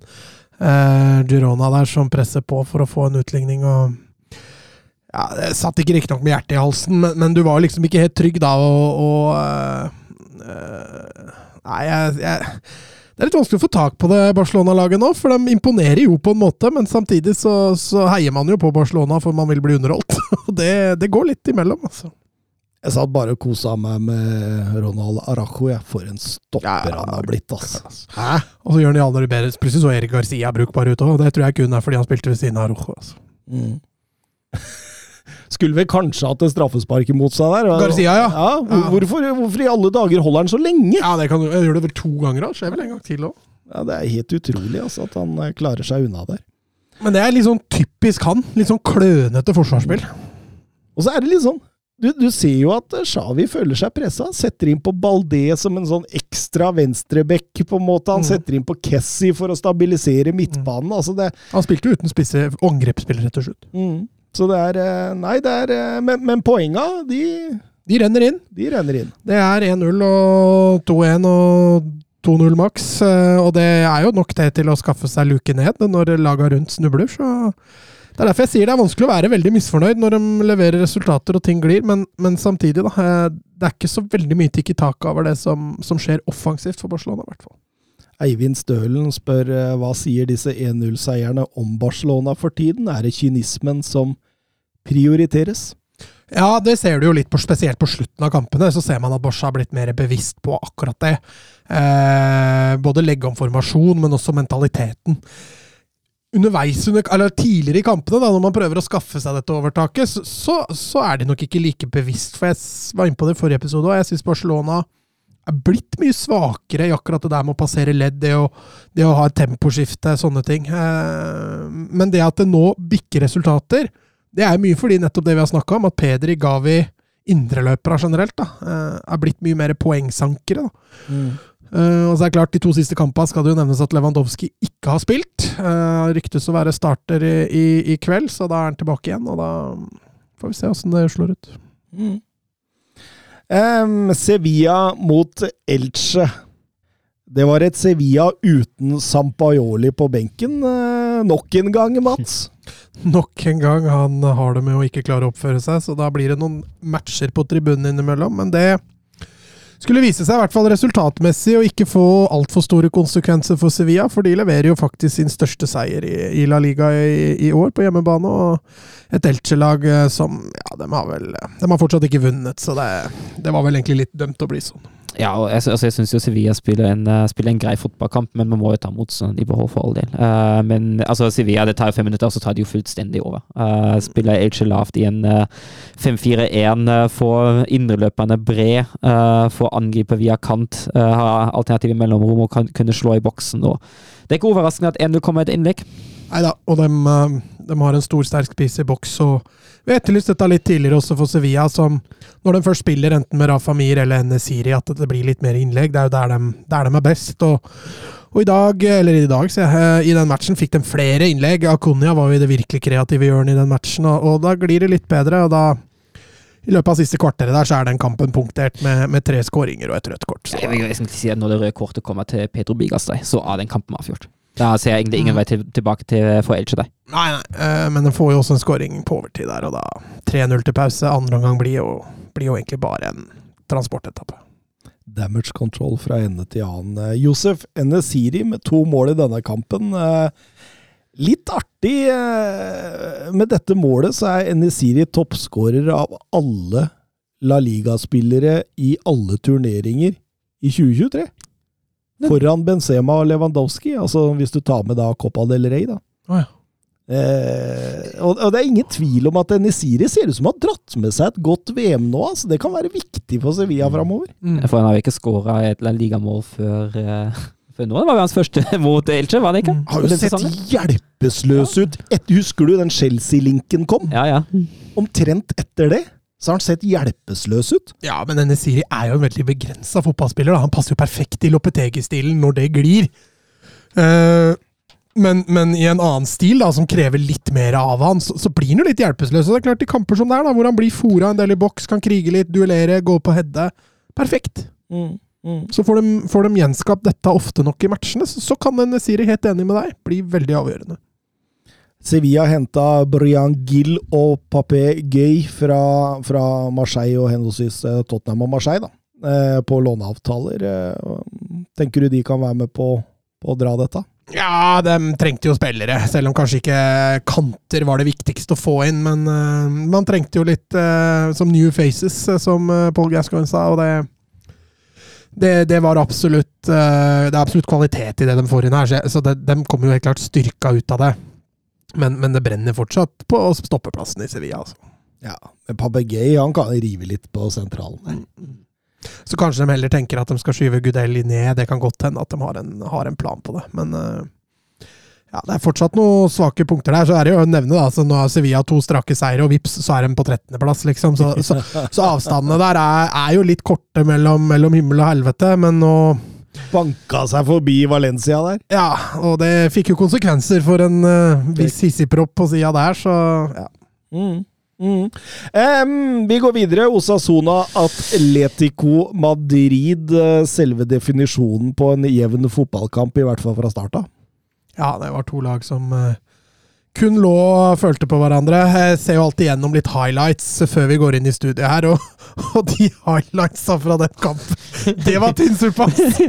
Da fikk vi også svaret på om eh, Atletico kom til å bli mer underholdende etter forrige ukes Ja, underholdende affære. det, det, dette har vært tilbake. Men allikevel, da. I, I store deler så føler jeg Atletico har bedre kontroll nå, når de spiller på den måten de har gjort nå, kontra det de har gjort før, med samme mentalitet. Eh, så skal det sies at Osasuna var ikke helt ufarlig, men, men allikevel satt liksom en følelse av at det målet til Osasuna satt veldig langt inne. altså. Mm. var en ekstremt lukka kamp. Mm. En ekstremt lukka kamp, altså. Altså Jeg, jeg, jeg satt og bare tenkte her må det komme et mål. Og, og, og, og når man må vente fram til kvarter før slutt, før uh, Flott mål av Salnigis, for all del. Uh, Altså, det var hjerneblødning bak der hos Osasuna. så Grismann trakk stoppera opp, Ja, ja, og så og bekken på motsatt holdt Mm. igjen og opphevde alt som var offside. og nei, Der, der glapp det skikkelig. Mm. Men, men, men, da- men da fikk man ikke noe god fotballkamp, og egentlig etter 0-1 så er det jo Atletico Madrid som får de største sjansene på overganger, nettopp Mm. fordi Osasona tømmer seg. Ja, nettopp. Uh, Atletico skapte jo mer det siste kvarteret enn de gjorde de første 75, så så det, må, det var synd det målet der kanskje ikke kom litt før. Det har blitt en artigere fotballkamp. Men, men for Atletico Diego Simione så veldig godt den natta, det er jeg ganske sikker på. Jeg synes han så på den, tror nok han så på den kampen der som veldig godt gjennomført. Eh, og så tror jeg nok Osasona Jeg tror nok også Sosona kan være ganske godt fornøyd. Altså. Eh, de kommer godt fra det. Eh, Men, men det som bør være litt alarmerende der, er at de ikke greier å skape noen verdens ting etter at de havner under 1-0. De har vel et langskudd på overtid der som går himmelhøyt over, men bortsett fra det så gjør vel kun Oblak to kvalifiserte redninger før skåringa, og det, det sier vel litt om kampbildet. Mm. Fredrik Konradsen eh, spør på Twitter fikk vi se et Atletico Madrid back to basic denne helga. Er dette Diego Simione masterclass? spør? Det kan man jo egentlig underskrive på. Det er som Mats sier, jeg tror, tror Diego Simione var ganske fornøyd. Ja, jeg er jo gæren. Jeg tror han var kjempefornøyd. Uh, eh, får vi se hvordan disse nysigneringene, av Dockerty og sånn, kommer inn i, i troppen her, hvordan det gjøres. Eh, de solgte jo også Felipe, stopperen på slutten, som gjør dem kanskje enda litt mer sårbare på stoppeplassene, sånn at kanskje den Trebekslinja er nå enda litt mer historie, med tanke på at de ikke har alt materialet til det. Hvor var det de solgte Felipe igjen? Nottingham faktisk. Ja, var det det?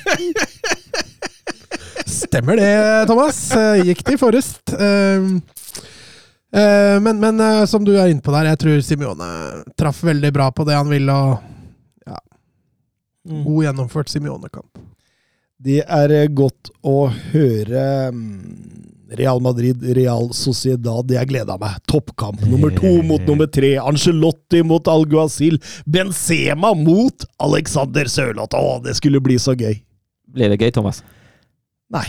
Nei, ikke sant. Eh, altså, du, du følte Kvaliteten var jo ikke så ille. Nei Men tempoet og sånn var jo helt håpløst, det er jeg helt enig i. Ja, det, det er lettere å få en god kvalitet over en når tempoet er så Ja da, men du blir helt avhengig av enkeltmannsprestasjoner. Altså når Vinicius- Vinicius og Rodrigo kombinerer der, det er artig å se på. Eh, overgangene til Sociedad sånn rent eh, kollektivt, spesielt i starten, var jo bra. Mm. Men etter hvert som Real Madrid bare tar mer og mer over uten å greie å skape noe stort uten enkeltmannsprestasjoner, så er jeg enig. Da Det, det, det er jo altså Den eneste omtrent som klarer å skape store målsjanser, er, jo Vinicius junior. Mm. Og han gjør det stort sett på egen hånd. Altså, det, er jo, det, er jo, det er jo nesten et mirakel at han ikke skårer i denne kampen. her. Han må jo ha hatt en XG på tre, bare han. mm. Ja, den aleine der hvor han prøver å chippe, fantastisk tatt av Remiro der. Eh, så har han en gigantisk i første omgang i tillegg der. Men eh, Nei, det Vi trodde, kanskje det hadde løsna litt etter at de greide å snu den Copa del Rey-kampen, eh, og vant også da påfølgende helg. Men nå var det litt tilbake igjen til det grå Real Madrid, altså. Men må vi, må vi også snakke, når vi snakker om uh, Tottenham i dårlig første gang, må vi også snakke litt om slow starters Real? Jeg syns det ofte tar tid før de ordentlig kommer i gang. Jeg syns de ofte sover over første 15-20 minutter, altså. Men eh, jeg er helt enig med deg. eh, og i dag, eller mot Sociedad, så greide de aldri å få hull på byllen. Mot Atletic så så man at da fikk man det første målet kanskje litt mot spillets gang, og så løsna det. Mot Villarreal så bruker de en hel omgang og ligger under med to før de i det hele tatt begynner. Jeg har lyst til å hylle litt Sociedad da, som faktisk mangler. Eh, Miquel Merino, David Silva. Allikevel, da, så, så holder, så holder de stand borte mot Real Madrid.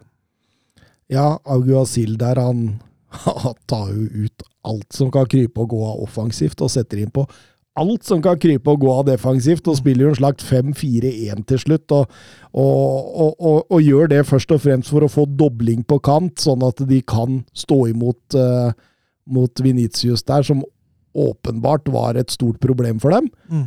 Uh, men men, men det, er, det er klart at uh, når du Når du på en måte kommer fra det, da, med, med poeng på Santiago og Bernabeu så, eh, Med den skadelista altså Mats nevner jo et par, men det er jo, det er jo mange flere. Mm. Det er jo en sju, åtte, ni eh, skader i dette laget her, så Nei.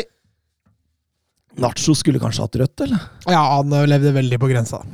Det er Helt Jensen han tar der. Er Helt enig. Ass. Merkelig. gult kort, men det er fordi han har gult han ikke får det andre. Ja. Jeg er ganske sikker på at det hadde vært gult hvis han ikke hadde hatt gult. Mm.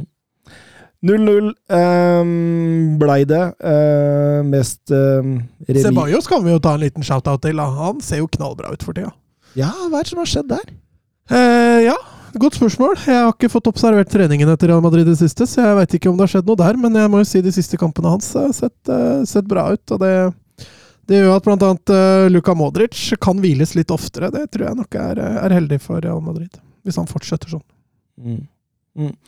Visste du at Venitius han dribla 21 ganger i den eh, kampen? Ni av dem var vellykka. Det er det høyeste tallet i en La Liga-match siden i hvert fall 05-06, ifølge Oppta. Og, og nå er til og med ikke unntaket Lionel Messi med. Mm. Det, det er voldsomme tall. Eh, Vi har jo snakka mye om Venitius, både liksom det usportslige ved men også det sportslige, at han kanskje på en måte har hatt en liten down-sesong nå, da, i forhold til hva han hadde sist sesong. Men, men, men, men får han effektivisert det han dreiv med i denne kampen, Mm. så er, så, så, så er han jo tilbake. Helt klart. Og det er kanskje noe sånt han trenger, å komme i flyten igjen. Mm. Um, ja. Tatt ut Venitius av den kampen der, så hadde det blitt ganske kjedelig. Det hadde det helt klart blitt. ehm, Betis 0-1 borte mot eh, Getafe. Skåringa av Borja Iglesias på straffe seint, seint i matchen. Ja, men et knallsterkt resultat av Betis, som har slitt litt i det siste. og Ingen enkel kamp det de gjør borte mot Getafe, men en eh, knallsterk seier eh, å slå, slå Getafe borte, altså. Mm. Eh, via Real med stygt hjemmetap. Ja, og eh, etter å ha dominert første omgang og hatt de i tverrleggeren og egentlig burde skåret, så dabber det veldig av i andre omgang. Egentlig fryktelig skuffende å se. Eh, eh, der jeg er inne på at Real Madrid gjør svake av første omganger, så er det litt motsatt. Men via Real de, sliter i, de gjør det bra i første og sliter i andre. Rayo med en fin kontring der som punkterer matchen. og Et ordentlig skudd for Champions League-baugen til Real, via Real, det der. Mm. Og Valencia tapte, som vi var inne på, borte mot Real Valladolid etter scoring i ja, det var den i 90. minutt. Eh, senket helt mot slutten der, og Gustav Horndal spør Gattuso allerede ferdig, ja. Kunne vel strengt tatt ikke gå. Nei, vi snakka jo veldig om det, at dette var en enten-eller-signering som kunne enten bli veldig bra, eller, eller gå som det gikk. Eh, vi hella vel litt mot det siste, alle sammen her. Og, og selv om han starta overraskende positivt, så har det bare gått eh, nedover og nedover. Spesielt siden da rett før VM begynte denne litt svake formen til Valencia, og, han har ikke funnet ut av det. Og tenker jo at det kanskje er greit at han takker for seg. Jeg ser ikke helt at dette skal løsne heller, så det blir spennende å se hvem Valencia finner der. Jeg trodde jo kanskje det var forholdet Peter Lim og, og Gattuso som skulle være årsaken, og ikke dårlige resultater, Søren. Jo, det kan man jo tro. Altså, det er jo to personligheter som fort kan, kan man, man kan tenke seg klasje. Mm. Eh, August Landstad spør Hva skjer med La Liga? En haug av 1-0. Toppkampen ender 0-0. Maling tørke beskriver det ikke godt nok. Nei, det var mye døll i La Liga den helga her også. Ehm, det blir mye 1-0, og, og, og et par 0-0 også. Sevilla var vel den med mest målrike kampen, faktisk. eh, Så det sier vel Var, var det én kamp hvor begge laga skårte? Det var én kamp. Det er ganske vilt. Mm. Nei, det er jo blitt altså Spania er blitt liksom Vi har snakka om det før òg. Spania er liksom blitt nye Italia, hvis du skjønner hva jeg mener. Med, med mye kynisme og Først får du ledelsen, så skal den forsvares med, med hud og hår. Og, og det ser man jo på veldig mange. altså Selv Barcelona tyr jo mye til den taktikken, og det, da blir det fort mye 1-0. Mens i Italia så har man sluppet helt løs, omtrent. Ja, og det er, jo, det er jo mye gøyere å se på for oss som ser på, i hvert fall. Det var litt dårlige nyheter for eh, Jørgen Strand Larsen, da, når eh, Celta Vigo henta Safaris på Seferovic, ja. Safaris, var det det sa? Det var ikke han de henta. Seferovic. Seferovic, ja. Uh, så Nei. da Men er ikke han bare bra i mesterskapet? Han har litt den der uh, Suber eh, Jo, jo, han er litt, litt i den kategorien nå, ja. Ja, det er jo ikke noe utprega målskårer, men det har jo ikke Strand Larsen vært heller, så vi får se åssen han takler den konkurransen. Var vel helt grei i Benfica, så vidt jeg husker, men ja. Betis henta Jose Perez, forresten. Mm. Det er- kan jo være altså Jeg tenker jo at Jose Perez i, i form passer jo det Betis-laget. Ja, som Det skal bli spennende å følge. Mm. Um, Barcelona fikk en liten luke nå ned til eh, Real Madrid. Så er det faktisk en luke igjen ned til Real Sociedad, som har en luke ned til Atletico. Ja, som har en liten luke. Det er helt riktig. Nå er det fem poeng for Barca ned til Real Madrid, så de har jo, har jo hva skal vi si, tatt et lite initiativ. Det er bare tre poeng mellom Real, eh, Real Madrid og Sociedad. Eh, Riktignok har Real Madrid én kamp mindre spilt, men uh, for Sociedad nå så er avstanden faktisk kortere opp til Real enn den er ned til Atletico. Spesielt eh, Søren, er du glad for Bundesliga? Ja, det er jeg. Det, det var vel kanskje det dummeste spørsmålet vi har kommet med i denne podkasten, Mats. Er macht ein richtig gutes Spiel. Jan Schimonek. Die Wolfsburger lassen so gut wie nichts zu. Grafit. Grafit gegen Lell. Jetzt wird's eine Demütigung. Guckt euch das an. Bist du verrückt? Bist du verrückt? Tor des Jahres. Die Bayern der Lächerlichkeit preisgegeben. Ja, vi begynner med Leipzig mot Stuttgart. Jeg fikk aldri sett denne kampen, Søren. Jeg var på vennemiddag ute i Nordstrand, men jeg fikk en liten rapport av vår felles venn Rune, som var på denne matchen. Han, Han sa, han, han sa at det var ingen stor kamp av noen av lagene. Stuttgart lå lavt, og, og Soboslai var god, men frisparket var en keepertabbe. Det var det jeg fikk. Ja, og han treffer Det var godt. det jo. Det han treffer godt på det. Uh, nei, det er ikke en stor kamp. Uh, Stuttgart får kampens første sjanse etter ni minutter etter at slaget roter bort ballen. Uh, men ellers ligger Stuttgart veldig lavt. Er ute etter kontringer. Stenger av sentrum veldig godt i en 4-3-3. Uh, Leipzig sliter med å finne ut av det uh, i det offensive.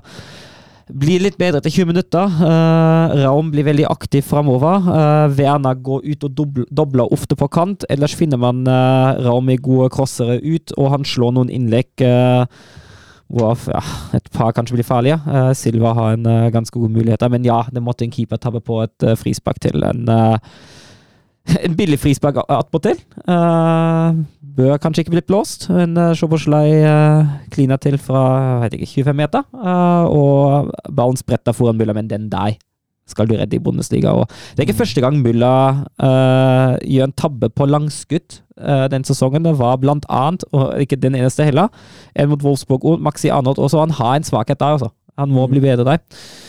Uh, så er det en sjansefattig resten av omgangen, og Leipzig er nærmest, men altså, det skjer ikke voldsomt mye. Uh, Stuttgart start, starta veldig offensivt etter pausen. Uh, Nartey er nære. Uh, bomma på mål alene med Blasvik, men uh, nå er Leipzig er oppe for første gang. Fem minutter etter pausen, og Szoboszlai setter 1-0, eh, 2-0, denne gangen ved en uh, nydelig Ja, en sånn halvtliggende Volley, ja, ja. det der. altså. ja, nydelig scoring, og da er jo skal jo kampen langt på vei være avgjort i Leipzigs favør, men uh, Guardiol han lager helt straffe, han. Uh, og den uh, settes av Fürich, men jeg syns jo etter det Det er jo etter 68 minutter at 2-1 kommer, og vi har jo snakka veldig mye om Marco Rosa i Dortmund, og den har veistilen han til tider hadde. Uh, jeg syns jeg syns den der resten av omgangen nå står 2-1, og Stuttgart kanskje kan glimte litt håp. Jeg syns Leipzig løser det veldig voksent. Uh, Det ser trygt ut. Uh, ja, det er bare ett mål, men Stuttgart er egentlig aldri i nærheten. De har ikke en målsjanse etter 2-1. Uh, så den defensive stabiliteten den har blitt klart bedre nå. Deilig, deilig. Uh, Ja. Szoboszlai. Mm. Jeg tweeta, jeg måtte tweete faktisk når jeg, når jeg så måla der. Eh, har jo alltid vært en, en liten kjærlighet til han jeg fra RB Salzburg-tida og det der. Og der. Syns han er en uh, nydelig fotballspiller med, med, som, som liksom på en måte tikker absolutt alle bokser for å kunne bli en verdensstjerne. Uh, ser ser han på som liksom blanding av, av Christian Eriksen og, og, og, og Kevin De Brøne, liksom. Mm. Jeg syns han er eh, meget, meget spennende. Spørsmålet mitt på Twitter var jo hvorfor er det, ingen, hvorfor er det ikke noe interesse rundt han? Nå er det interesse rundt absolutt alt som kan krype og gå av gode fotballspillere. Du hører ikke Soboslai-rykter. Er, det- er det av skaden han hadde? Ja, jeg, jeg tror det. eh, at, han, at han kanskje har havna litt under radaren. Eh, I tillegg har jo ikke han, som så mange andre, hatt muligheten til å vise seg i VM heller. Mm. Nei, en, eh, en Og så fantastisk har han vel ganske langvarig kontrakt òg, mener jeg å huske. Så det er jo vanskelig å få han ut. Mm. Stuttgart er faktisk 19 Bundesligakamper uten seier på bortebane nå, mens eh, RB Leipzig har funnet godformen 11 ubeseira, derav 8 seire. Ja, og så har de eh, fortsatt Bundesligas beste hjemmelag. Mm. Ja, så korta han i avstand veldig til Bayern. Mm. Det gjør jo stort sett alle for tida. Eh, ja, det, det er faktisk helt riktig. Det er vel nesten, det er nesten bare båndlaga som sliter med å tette den avstanden nå. Ja. Eh, Verde Bremen, Wolfsburg, du må prate om en Søren. Du Ja, må dessverre. prate om en Men jeg, som jeg sa til deg i studio i forrige uke, um, jo høyere dem er, jo hardere faller dem. Og yep. Du, du var høy og mørk i studio her sist helg. Alt fløy på skinnet. Det haglet med lytterspørsmål, og Søren briljerte. Så hva skjedde? Nei, det var en dårlig kamp, Uh, rett og slett. Eh, jeg, tok, jeg tok meg jo i å mene at uh, etter 2-1-tapet etter 2-1-tapet var, var et faktum. Uh, tok jeg meg i å mene at det er lov med en dårlig kamp, særlig etter seks seire på rad og til, altså, tider virkelig gode prestasjoner. Uh, man skal innrømme at det er lov å ha en, uh, å ha en dårlig prestasjon, ha en dårlig dag eh, på jobben. Det er, det er på en måte innafor. Og i Bundesliga, når du har en dårlig dag på jobben, så går det ofte skeis. Det er så jevnt uh, som det kan bli. timingen var jo ekstremt dårlig. For de neste kampene er jo nå Bayern, uh, Schalke, og den må jo uansett vinnes, og Leipzig. Så det blir jo, det blir jo tøffe tak nå. Men um, Wolfsburg slet egentlig veldig Altså, starter jo med en uh, sjanse igjen etter ett minutt, så, uh, men jo lenger kampen varte, desto mer slet man egentlig. Man slet med å sideforskyve mot vendingene som Bremen ofte kom med. Uh, det er at man slet voldsomt med gegenpressingen til Veda Bremen. og Bremen er, er, det beste laget og er Ja. Uh, jeg, jeg, tror ikke du, du, ja, du ble ikke enig med deg sjøl om du skulle bruke veldig eller voldsomt. Det er helt korrekt. Og så ser jeg bare at han begynner å Prøvde jo å holde deg så godt jeg kunne. Ja, nei, men det er altså det, det straffesparket Man kan jo Man kan jo diskutere det òg, da. Det som sender, bre, sender Bremen i ledelse. Men altså, det, jeg har ikke lyst å og ta den diskusjonen, egentlig. Uh, hens, for, uh, hens straffe tatt med var bli skutt på etter én meter, men altså, jeg syns det å klage på dommeren det blir litt sånn for dumt. Da. Det som irriterte meg mest, var at det var fortjent da Bremen tok 1-0. Mm. Det er det som irriterer meg. Jeg irriterer meg ikke at det kanskje er et billig straffespark, det irriterer meg at det er fortjent. Mm. Uh, at vi egentlig aldri helt finner inn i den kampen før helt på slutt, før Bremen går opp til 2-0. fordi i andre omgang reaksjonen uteblir. Jeg er ikke helt innforstått med byttene Kovac der. Jeg er enig i at Mamush skal inn for Kaminski til pausen, for Kaminski har vært, uh, har vært blek og svak. Men at han henter inn Gilavogi for G, jeg kan skjønne det. Uh, for Forsvaret og særlig Bono er ganske utrygg, men du får ikke inn noe offensivt fra midtbanen der. Uh, du får du får ikke den som skal angripe de roma offensivt uh, rundt boksen. Du får ikke de som, som styrter inn i mellomrom. Mm. Uh, så jeg er ikke helt enig i det byttet der, og da går det som det blir. Full krok til før Kevin Paredes setter sitt første mål i Bundesliga noensinne. Og det blir dessverre tap på en svak kamp, og fullt fortjent seier til Werder Bremen, som, som gjør en uh, veldig god gjennomføring. Og Niklas uh, Fulkrug benytter seg av en Kunku sitt skadeavbrekk og er tilbake i, i toppskårertittelen i Bundesliga. Ja, han er jo en, uh, han er en målskårer. Altså, kommentatoren var, mente vel at han var en handful for Wolfsburg. Jeg er ikke helt enig i det. Uh, han er jo en veldig utprega boksspiss. Mm. Og da gjorde han jobb, sakene sine veldig, veldig bra. Ja. Det var jo litt Eh, kjipt, men Ja, og så kan jeg jo også tilføye at i går røyk Wolfsburg også 2-1 borte mot Union Berlin i åttedelsfinalen i cupen etter en uh, egentlig sånn trist og kjedelig fotballkamp. Uh, kan jo tilføye da unnskyldende litt for laget da, at det er jo vanskelig å se bra ut borte mot Union Berlin. ja, du har mye ball, i hvert fall. um, Bayern München, Frankfurt. Ja, snakk om uh, litt trist og kjedelig. Uh, Bayern får det ikke til offensivt. Uh, det er helt utrolig. Uh, det er Altså, det er for mange touches. det er én og én bevegelse, ett og ett løp. Det er ikke noe motsatte bevegelse. det er pasningsveiene i sentrum. Det er ingen måte å få bryta dem opp. Man må alltid rundt. Man går seg fast der. Man får for få alternativer. Altså, det ser ikke bra ut, det der, altså. Nei. Nei de, de, de, sliter jo med at Frankfurt legger seg såpass lavt jo. i presset. Uh, det, er jo, det, er jo, litt av det samme Barcelona sliter med, Mats. Mm. At det går mye på fot, det er ikke nok bevegelse framover.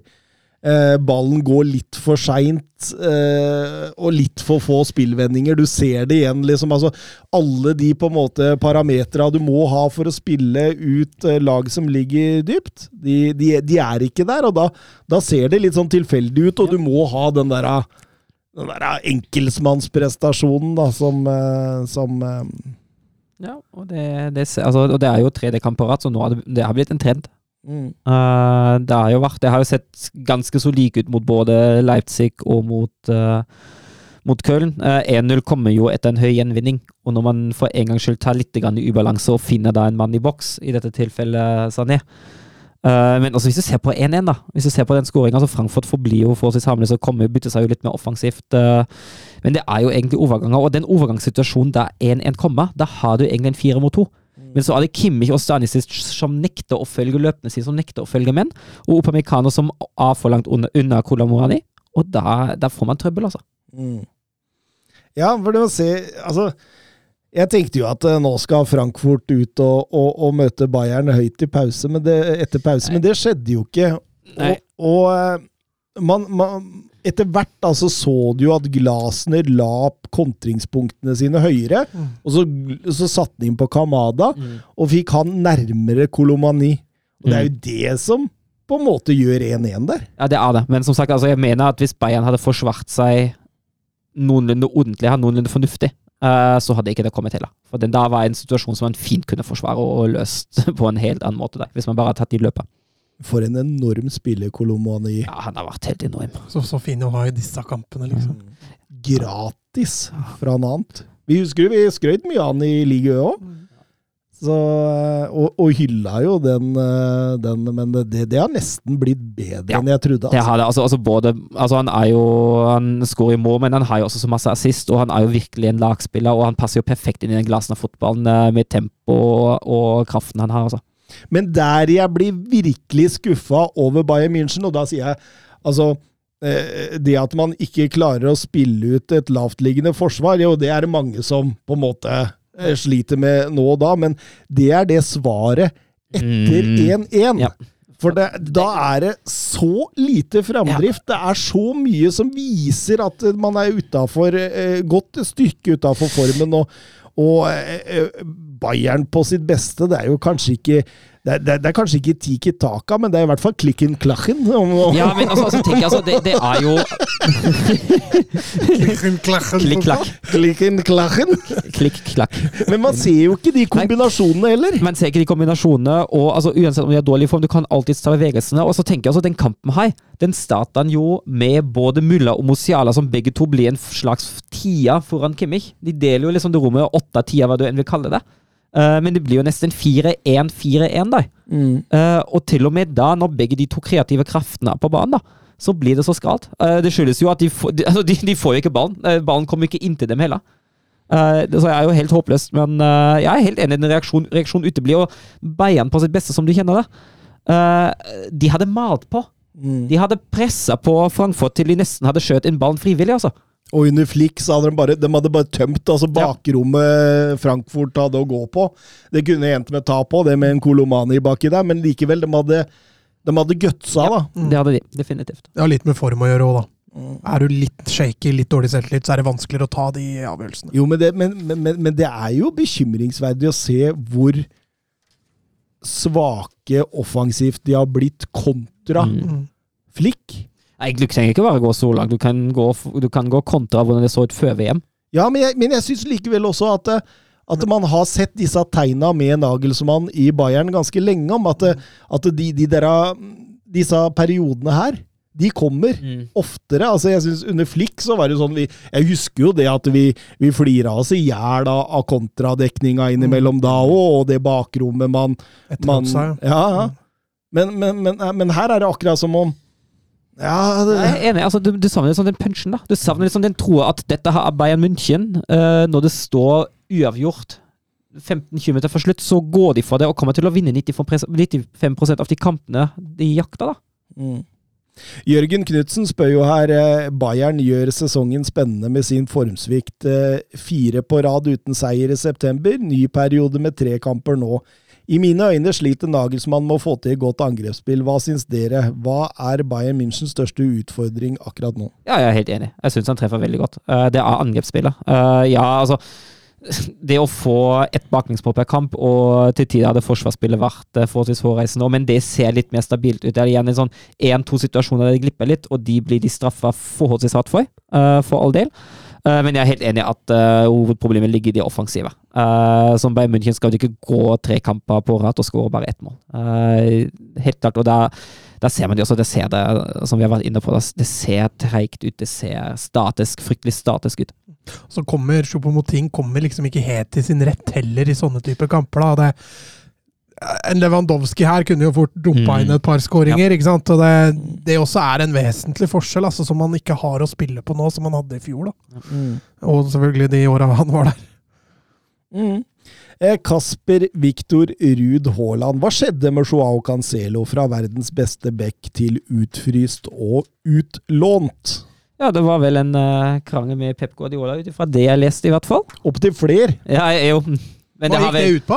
Sto det. Eh, holdningen og attituden hans etter VM kom tilbake med litt sånn dårlig kroppsspråk, og, og, og, og Guardiola så ikke 100 åssen, da. Mm. Og, og, og masa veldig mye på det, og så endte det opp i en stor eh, krangel som bare eskalerte videre, og, og, en Guardiola som ga han opp, rett og slett. Ja, nådeløst. Men eh, det sier jo litt om hvordan Guardiola er, og eh, Bjørn Erik Skorge, siden vi først er innom en tur i England igjen, begynner Pep sin aura å slite på en del av spillere. Det ryktes jo om flere misfornøyde spillere. Eh, det har ikke jeg lest noe om, men det kan sikkert stemme, det. Altså, Pep har en veldig krevende stil, eh, men samtidig så gir han Han gir jo ekstremt mye av seg sjøl, da. Eh, og man, han har jo sagt selv at man skal ikke være for lenge i én og samme klubb, for du sliter jo på motivasjonen til både deg sjøl og spillere rundt deg. da. Det er mulig han nærmer seg et punkt nå hvor han må, må enten gjøre litt større utskiftninger, eller rett og slett gå sjøl. Altså. Jeg satt og tenkte på det her. Uh, usikker på om han har fornya Husker du vi snakka om Alex Ferguson? Mm. Den der evnen til å fornye laget hele veien og, og skape nye impulser og få inn nye. Altså, jeg gikk gjennom eh, City de siste fire sesongene og så hva de har fått inn. Eh, og, og, og hvem som på en måte er eh, bankers i laget i dag. På de fire siste sesongene så er det selvfølgelig Erling Braut Haaland. Eh, og det er Rodri. Men også er det Ruben Diaz og Jack Reelish, men de er litt sånn inn og ut utover det. Diaz har vel vært mye ut. Ja, Siste, og, og utover det så er det den samme stammen, de samme spillere, i, i, i he, gjennom hele der. Og, og jeg tror jo at det grunnlaget de har hatt gjennom flere sesonger nå, har vært så ekstremt bra. Mm. Altså, de har, de har nærmest hatt et komplett lag, og, og, og det er kjempevanskelig å gjøre Altså si eh, nå selger vi Bernardo Silva fordi vi må ha inn andre, og, og at dette på en måte altså kan være noe av årsaken, da. Ja, det kan jo være noe med det, men altså, jeg syns jo altså, jeg synes jo det kommer inn eh, nye spillere. Du kan jo nevne Akeo Kanjio, som er i hvert fall i omkretsen til førstelag og får en del spilletid. Jo, men de, men de er jo ikke de, Nei, er jo men- altså, de er jo inn og ut. Jo, jo, men det er jo, det er jo flere òg. Men altså, du har jo noen konstanter for all del. Uh, Ja, men ikke sånn, se, se på ikke sånn Riyad Mares, vært der i mange år nå. Uh, Phil Foden, selvfølgelig, har jo vært der i mange år. Eh, midtbanen der med Gundogan, med Bernardo Silva. De Bruyne, Ro, De Bruyne, ja. Rodri har vært der i fire sesonger nå. Eh, bekkene, Kyle Walker. Cancelo kom jo for tre år siden, tror jeg. Det er tre-fire år siden. Ederson. Ederson har vært der lenge. Stones har Mm. vært der lenge. Altså, det er mange av disse her som spiller konstant hele tida, uke inn og uke ut, som har vært der veldig, veldig veldig lenge. Og det jeg tror jeg er fordi de er så forbanna gode. mm, ja, ja, Og det er kjempevanskelig Mm. å på en måte ha den naturlige ja, du skal jo ha enten inn en som er bedre, eller en som kan fases inn over tid. Uh, type si en Alvarez, da, for eksempel. Uh, eller en Phil Foden, som han blir jo fasa inn over tid nå, for all del. Um, Det har skjedd noe der òg, vet du. mm. Ja, ja. Det er, det er veldig rart. Altså, derfor tror jeg liksom Sommeren kan være et sånt vendepunkt, da, for hvis man får lasta av Gundogan, Bernardo Silva, kanskje en Jack Grealish, en Mares, Kyle Walker blir vel 33 nå igjen. Cancelo. Ja, altså at det, det kanskje må skje en omveltning der til sommeren. Altså, altså tror jeg jo det er jo lettere sånn rent sportslig. eh, den pep-stilen som han har, som er så krevende eh, av spillerne taktisk. Det kreves jo en god del taktisk av spillerne. Eh, det er jo lettere når det kommer én eller maks to nye spillere som fort kan bli vant til systemet ved hjelp av andre. Hvis han må skifte ut et, et halvt lag i løpet av et overgangsvindu og spille inn dem igjen, så kan det hende at han sliter. Han sier jo sjøl at han bruker to til tre år, eller egentlig tre år for å få spillerne til å forstå dette systemet har maks. Og vi husker jo første sesong i City, den var jo ikke bra. Se Kelvin Phillips, han har ikke spilt noe. han. Det var en halv milliard. Han har ikke spilt noen ting. han. Rodri har den plassen. Mm. Det var vanskelig å ta ut Rodri som han har prestert, da, men ja. Jo, jo, men poenget er der. Leverkosen Dortmund.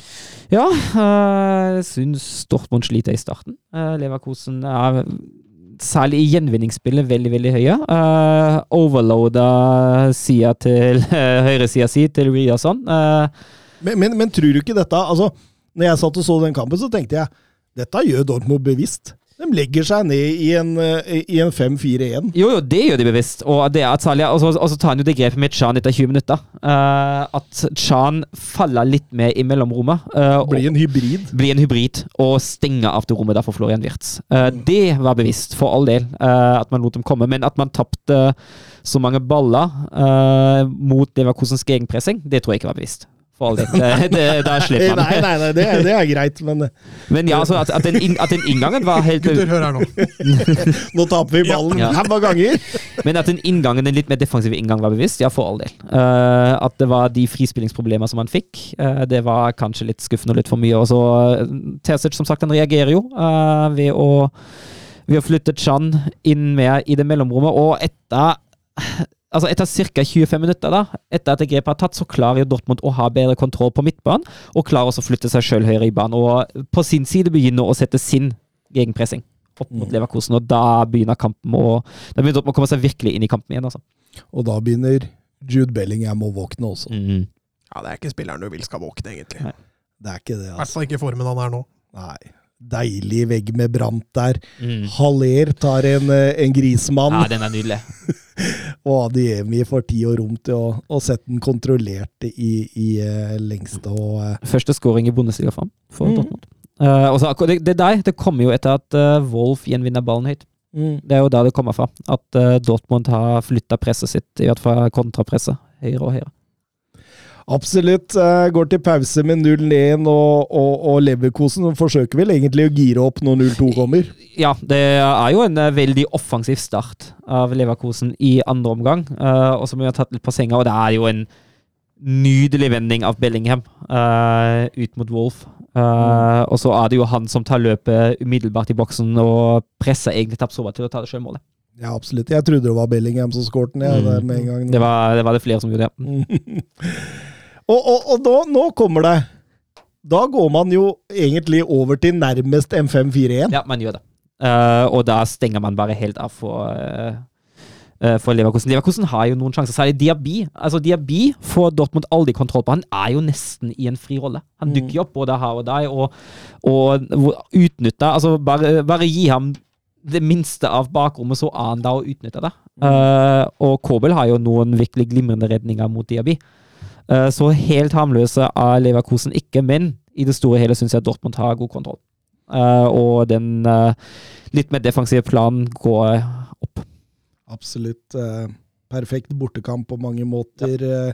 Av et Dortmund som er uten poengtap i 2023, mens Sabi Alonso taper faktisk sin første match som manager på, for Leverkosen på Bay Arena.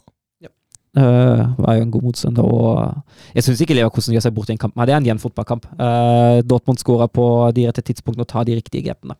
Mm.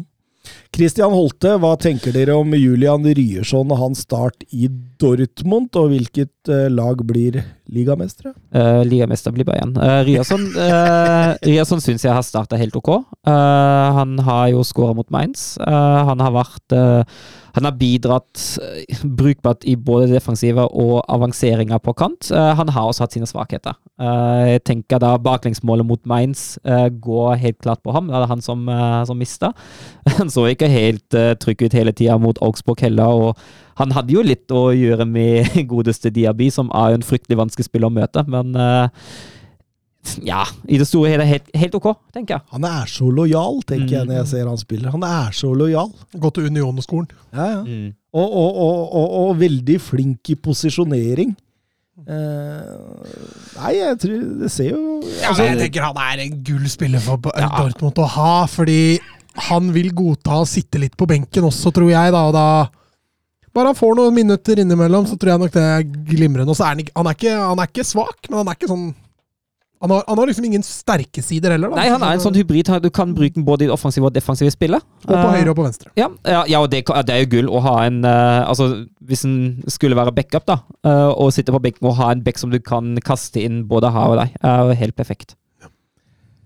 Freiburg eh, Ja, de vant 3-1 over Augsburg. Kommet litt skeivt ut i vinterpause, etter vinterpausen, men Ja, det var en uh, fortjent seg i en kamp med veldig mange målsjanser. Uh, offensivt uh, underholdende, men til syvende og sist fortjent at Freiburg tar tre poeng i den kampen. Der. mm. Jørgen Knutsen, han så Berlin Derby og skriver til oss eh, svært dårlig kamp av de blå. Yep. Fortjent eller ufortjent at sportssjef Freddy Bobic ble gjort til syndepukken og dermed fikk sparken. Har en mistanke om at klubbens problemer stikker langt dypere enn Bobic. Så det, dette, Søren, dette er jo noe du har tatt på podkasten en to, tre, fire ganger. Ja, det er, har jo, altså, han har jo helt rett. De problemene stikker langt, langt dypere. Og problemene kom jo egentlig inn uh, da Lars Windhorst, investoren, kom inn uh, og begynte alt det famøse snakket om Big City Club. Uh, det, har som, som da har bare blitt, har bare blitt hånord nå, når man snakker om Big City Club. Det er latterliggjør man uh, Hertha, da. Det er det man gjør. Men ja, uh, problemet stikker dypere. Men Bobic har jo sin andel av det hele. Uh, Bobic har ikke klart å, å forvalte pengene godt nok. Uh, Bobic har bygga sammen en tropp som andre år på rad kjemper mot nedrykk. Bobic har kvitta seg med Trygge Pal Dardai. Altså, ja, det er en trener som har et klart tak, her nå, men han står for det stabile, det trygge. Han er litt sånn uh, kan- altså, ikke, Passer ikke helt, da, men han kan jo si han er sånn John Dijk-type, da. Uh, og så har jo de ansettelsene av trenere ikke vært uh, helt vellykka. Uh, det spillemessige på banen, altså det, er, det er jo helt katastrofe som Hertha framstår nå etter VM. Uh, og så kommer jo i tillegg, da, uh, sånn rent klubbpolitisk, at uh, Bobic og de to andre teammedlemmene hans som nå måtte gå sammen med ham, uh, da presidenten Kai Bernstein ble valgt i høsten i fjor, så var Bobic og den gjengen der klare klare, klare posisjonen sin at de støttet motkandidaten. Bobic and the gang. Den eneste som fikk lov å bli nå, var jo Dirk Dufna, eh, som var han som er topplanlegger eh, i klubben. Eh, og grunnen var at man ønsket altså Han er ikke uomstridt internt i klubben, han heller, men man ønsket på en måte å ha en konstant mot slutten av overgangsperioden. Så man får jo se om det der er basis nok for at samarbeidet fortsetter i voldsomt mye lengre tid, altså. Men ja. Det, det er urolige tider i Berlin, og så har man jo nå gått for en uh, dobbelløsning der to uh, tidligere Berlin-kjente, Hertha-kjente, er med. Tidligere spiller og klubblegende Zekke Neuendorf og Benjamin Weber, som var akademisjef Bobic kom og kasta ham ut. Uh, så nå har man gått litt fra den Big City Club-greia City igjen til egne røtter. Om det fungerer, vi får se. Hertha er er for tiden en kaosklubb. Og det begynner å se ganske mørkt ut på banen. Det skiller tre poeng fra Bayern München på første til Freiburg på femteplass. Hadde du sett for deg dette i Bundesliga, Mats? Nei, ikke Nå er vi vel halvveis i Bundesliga, er vi ikke det? Ja, det var første, første Siste Ja. runde var runde 18 av Stemmer. 34. Stemmer, stemmer. At det skulle bare være så kort avstand, det, det, det trodde man vel ikke før når man tok VM-pausen der i, i Tyskland, så um, Bayern kan vel takke litt seg sjøl, men at det er Union Berlin som ligger nærmest òg, da, det var vel ikke alle som hadde sett for seg det. Nei, de fortsetter jo i, den, i det stabile sporet som de har hatt. Og den, altså de, de, Det er ikke et offensivt fyrverkeri de brenner av bortimot borte Hertha heller, men det er solid. Det er solid og trygt. Ser eh, Frankfurt har eh, tre uavgjort på de fire siste. Hadde de blitt snudd til seier, så hadde faktisk eh, Frankfurt leda Mm. ligaen. Så det, det, er, det er tett, og Frankfurt ligger på sjetteplass der rett foran, foran Wolfsburg. Så eh, gøy å følge med videre, Søren. Det er gøy. Eh, vi går over til Serie A. era il marcatore di Cannavaro. Palla tagliata, messa fuori, c'è Pirlo, Pirlo, Pirlo, ancora Pirlo di tacco, tiro, gol! Grosso, grosso, gol! Gol gol di Grosso! Eh, Serie A. Eh, første runde med semiautomatisk eh, offside-teknologi som den første ligaen i eh, Ja, i hvert fall storligaen i Europa. Samme som VM der. Eh, denne runden var det ilddåp, og eh, de fikk kjørt seg godt, men eh, klarte egentlig å komme seg gjennom ganske bra. Så det Jeg syns det. Og det, det, jeg tenker jo at altså, som sagt, når man først skal bruke VAR og alt det der, er jo det der framtida. Ja, jeg tenker det. Det ser veldig, veldig bra ut. De som vil lese litt mer om systemet, det er ganske innvikla. Eh, Kan gå inn på eh, Google og søke semi-automatisk offline-teknologi, så vil du få opp på ganske mye. Eh, Men det er veldig gøy, og det skal jo være en sånn greie også, med at seere skal få lov å være med litt inn i systemet der. Da. Så det veldig, veldig spennende for framtida, det når man først er inne på dette forferdelige VAR-greiene. Um, Cremonese-Inter er den første kampen vi skal snakke om. Det var et Inter som måtte opp på hesten igjen etter det forsmedelige tapet sist helg. og og Cremonese som faktisk er ubeseira under ny trener. Åssen kamp var det vi fikk se, Søren? Nei, det var jo uh, dårligst mulig start for, for Inter i den kampen òg. Uh, tok jo bare ti minutter, så tok Cremonese ledelsen ved en, altså en nydelig scoring. Uh, det der av, uh, av Åkerreike. Uh, helt fantastisk. Kanskje litt mot spillets gang. Jeg syns jo egentlig Inter åpna greit. Og det er jo helt klart Inter som tar over kampen fullstendig etter hvert. Cremonese får jo en tidlig annullert også, på Mm. en marginal offside eh, tidlig der. Giro hilser. absolutt. Jeg tror det var veldig viktig at de kom seg raskt tilbake i denne kampen. fordi det, det, det begynte å se sånn Nå møter man lav blokk, nå, og nå sliter man. Og man veit jo Inter har jo slitt med de lave blokkene ganske ofte. Ja, nei, De slår jo tilbake igjen på en dødball ganske tidlig der, og Lautoro Martinez dukker jo opp på rett sted til rett tid. Og... Nei, Det må se til han igjen altså, for å redde dette her. Det er liksom Lautaro Martinez som gjør at Inter ikke er helt AC Milan. Ja, eller Juventus. Ja, han er jo, altså, han er jo involvert. Altså, nesten hver gang Inter er framme og produserer målsjanser, er det jo han som er involvert. Enten som Mm. avslutter eller som uh, tilrettelegger. Tredje sist, nest sist, Mm. scoring. Hele veien. Ja. Inn, søker. Han er både rettvendt, han er feilvendt. Han, eh, han er rett og slett helt fantastisk, og driver dette Inter-laget her nå. Fordi altså, Seko ser harmløs ut for tida. Lukaku eh, er fortsatt eh, ikke i fysisk god nok form til å starte, åpenbart. Eh, Correja ser man knapt nok på banen. Så det er jo liksom Nei, det, det, det er det, Alt står og faller på Lartaro Martinez framover der nå. Så, så skal det jo sies at de har et bra defensivt grunnlag, da. Ja, så det er, det er Roma all over, dette her. ja, det Bytt nesten... ut Martinez med Dybala, så er vi, er vi der. det har nesten blitt litt sånn de siste kampene nå. Det er jo Lartaro Martinez også som gir dem de tre poenga ut i annen omgang der. Ja, han blir spilt fint gjennom der. og Altså, det er, det er klasseavslutning, måten han vender seg tilbake igjen på der, og får Benten tilbake igjen der hvor han kommer fra, med en sånn fin høyde som gjør at keeperen ikke får tatt den. Så det er Martinez show som redder, redder Inter igjen, altså. Ja, absolutt. eh, Det, det, det, er, det er jo nesten sånn nå at eh, At Martinez begynner å bli en sånn altså Kall det gjerne en Real Madrid. Signering. Ja, Nye Benzema. Jeg er helt enig. Han, han er jo en av de som virkelig kan gå inn og erstatte Benzema sånn direkte, da, for han er god feilvendt, god rettvendt.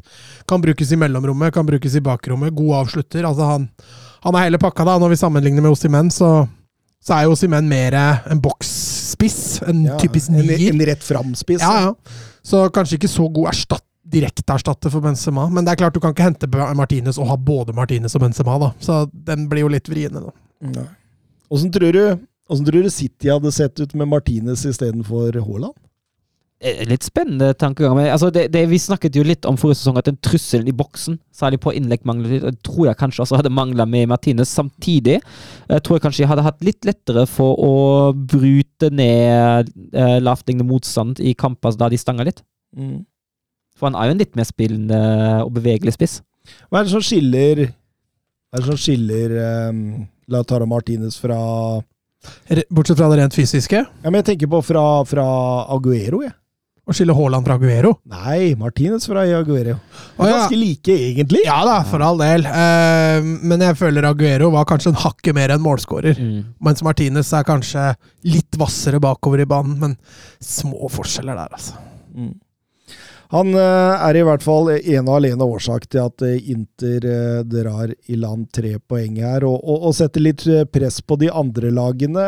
Milan var neste lag ut, skulle ta imot et, ja, et, et Sassolo som Altså, De har ikke vunnet en tellende fotballkamp siden 24. oktober! De har halta voldsomt i Sassolo. Var vel også på 17.-plass før den kampen der.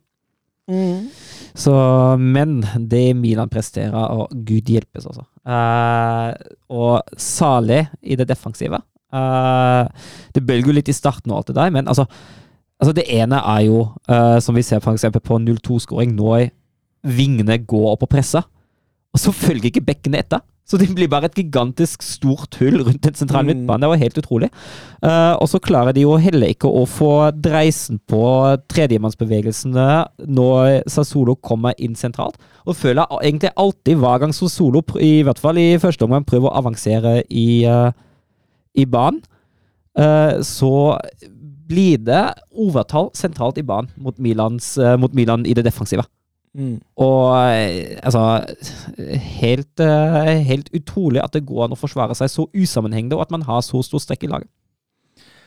Helt enig med deg, Søren. Altså, det er eh, Balansen i dette Vi snakka jo så vidt om det, med balansen hvordan Tonali kontra eksempel en Kronic kontra en Benazer.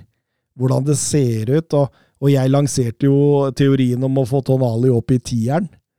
Uh, jeg, jeg, jeg tror, etter å ha sett denne kampen, her at jeg står for den der, altså. Ja, fordi det var, altså, det var ikke særlig toveisaffari i den kampen der. Det var ikke det. Den ble tatt på overganger konstant, hele tida. Altså det, altså det var så stor strekk, det var så dårlig kontradekning. Det var ikke Altså, det er nesten Du blir sett, sittende liksom og bli liksom fascinert. Jeg husker vi snakka litt om uh, for lenge siden om Leeds. At de hadde fem i press og fem i forsvar og ingenting imellom. Det var litt sånn det var her. Ja, ja absolutt. Uh, de gir seg ikke før de leder 5-1 ti minutter før slutt, før Origi setter et fantastisk trøstemål. Akkurat. Minner litt om uh, Cremonese-skåring mot Inter. det der. Mm. Så, så, så er det jo fælt å se hvordan Charles de Catelære Hvordan han har utvikla Ja. Han spiller jo liksom ikke helt i den posisjonen som han kom fra Klubb Brygge heller, da, så uh, Vi snakka jo litt om det når den overgangen var klar, for de har jo mye niere niere i Milan nå, og, og De Ketelare, han uh, Han må jo enten ha frontspissen eller være én av to. Uh, som en sånn falsk nier, tier-spiller. Det ja, Mm. Kanskje ikke helt i sin rett. Steffen Hansen, eh, Milans fall etter VM må belyses, eh, skriveren. For Milan har jo falt utafor topp fire nå. Januar måned har vært fullstendig krise. De har aldri sluppet inn så mye mål som 18 i en måned. Sist de gjorde det, var i mai 1958. Da slapp de inn like mange, og det sier, eh, det sier ganske mye. De slapp inn fem Eller sist de slapp inn fem mål eller mer eh, i Serie A, var i 1997. Da røyk de eh, 1-6 mot eh, Juventus. og de har sluppet inn fire mål eller mer i to Serie A-matcher på rad nå, for første gang i klubbens historie. Ja, det sier jo alt, egentlig. Altså, når du må tilbake til 50-tallet og ordet 'aldri', da skjønner du Stå ståa. Altså, ehm, altså Det er fortsatt korte avstander her, da. Sånn I forhold til tabellmessig så er det jo ikke fullstendig krise ennå. Men eh, det de har vist på banen, etter, spesielt etter nyttår, har vært eh, har vært urovekkende, bør det være for de fleste Milan-spillere. Eh, og fansen, selvfølgelig. Eh, her er det mye å jobbe med, og spesielt da Napoli er det vel kanskje bare å glemme. Men, men du ser jo sånn som Inter klarer å grinde ut på litt dårlige dager. Lazio ser plutselig levende ut. Eh, Roma, da, som gjør en decent innsats borte mot Napoli. Så, så laga rundt, da, de De ser jo bedre ut enn Milan. Så per dags dato så, så ser det litt skummelt ut. Det er noe med balansen, altså. Jeg syns det kan sammenlignes litt med Dortmund under Rose. Ja, jeg er helt enig. Litt eh, der. Det er usammenhengende, rett og slett. Mm. Eh, et annet lag som sliter, eh, både utenfor og på banen, det er Juventus. Eh, nå var både Dusan Vlaovic og Paul Pogba på benken. Eh, Manu Locatelli hviltes, og, og Chiesa hadde en liten setback fra skaden, men skal ikke være noe alvorlig. og De åpner jo godt. De fortsetter trenden mot Atalanta. De står, eh, står høyt og, og, får med seg mange i angrep og, og kjører eh, på mange måter over Monza i de første 10-15 minuttene. Og så, så stopper det helt opp. Mm. Ja, og så skal jo sies at de skaper ikke voldsomt med målsjanser heller. Nei da, men de, de prøver jo på å gjenskape det som, Mm. som var Ja, ja. bra mot Atalanta. Og så, og så kjører eh, Monza en eh, breakdown. Shuria får eh, ballen på høyresida der, og, og eller, Han bare legger den over hodet på, Mm. på Stensny der. Ja, og så er det bakrommet, da. Det, du- eh, Monza får jo også ti, en tidlig annullert for offside. Uh, og ja, det var jo bakrom da òg. De slet med gjennomspillet uh, rundt boksen. Og etter 0-1 så er Juventus tilbake der vi Ja, Kjenner det da er det klassisk Juventus, ja. Kollapser. ja. kollapser fullstendig. Dani Motas etter eh, 0-2. Kommentatoren syns jeg er inne på det. Det er flaut å opptre slik som Juventus gjør, og enda flauere blir det jo når Rovella, som er på utlån fra Juventus, eh, eier midtbanen utpå der. Det, Det ser litt verre ut enn det det er da. Allegri gjør et trippelbytte i pausa. Mm. Blir litt bedre, men altså Da er det noe med at man da møter den dyptliggende blokka, og det Juventus ikke er god på, å bryte ned et dyptliggende forsvar. Uh, og ja, det, altså de Gregorio har noen virkelig gode redninger, men de kommer jo fra 16-20 meter, de skuddene der. Mm, mm. Ja, helt klart. Og, og, og, og så lenge Juventus ikke fikk den reduseringa, så var de på en måte aldri helt inne i matchen. Jeg tror hadde de fått den reduseringa, når Dusan Vlaovic kom inn der eh, det siste halvtimen og sånn, så, så, så tror jeg fort de kunne henta i hvert fall noe opp, kanskje en uavgjort. Men, men, men, men du satt hele tida og tenkte at det her har Monza ganske bra kontroll. Ja, du følte jo på det. At, eh, det er, jo, det er jo som sagt de svakhetene som vi kjenner til offensivt hos Juventus. Og da taper de 2-0, og Jørgen Nystuen sier Ser dere noen mulighet for at Juventus skal klare Champions League etter helgas tap? Nei. Det er 15 poeng opp. Det er åtte lag mellom dem og Champions League, og det er 18 kamper igjen. Regnestykket ser ikke bra ut. Nei. Det er i hvert fall ikke den formen som vi har sett nå heller. Eh, Det ser ikke stabilt ut heller. Altså, ja, Atalanta var bra. eh, For all del Start Monza var bra, men eh, det ser, det ser ikke ut som at dette har et lag som presterer på toppform i mange kamper på rad. Altså. Napoli-Roma. Napoli stilte sin antatt besteelver, dvs. Si at Kvarasjkela var tilbake etter virussjukdommen. Ehm, Suverene serieleder Napoli ehm, De visste nok, eh, eller trodde de visste litt, eh, hva de skulle møte når de, eh, José Mourinho og hans Roma kom på besøk i Derby de la Sol, men, men det var jo ikke noe parkering av buss her.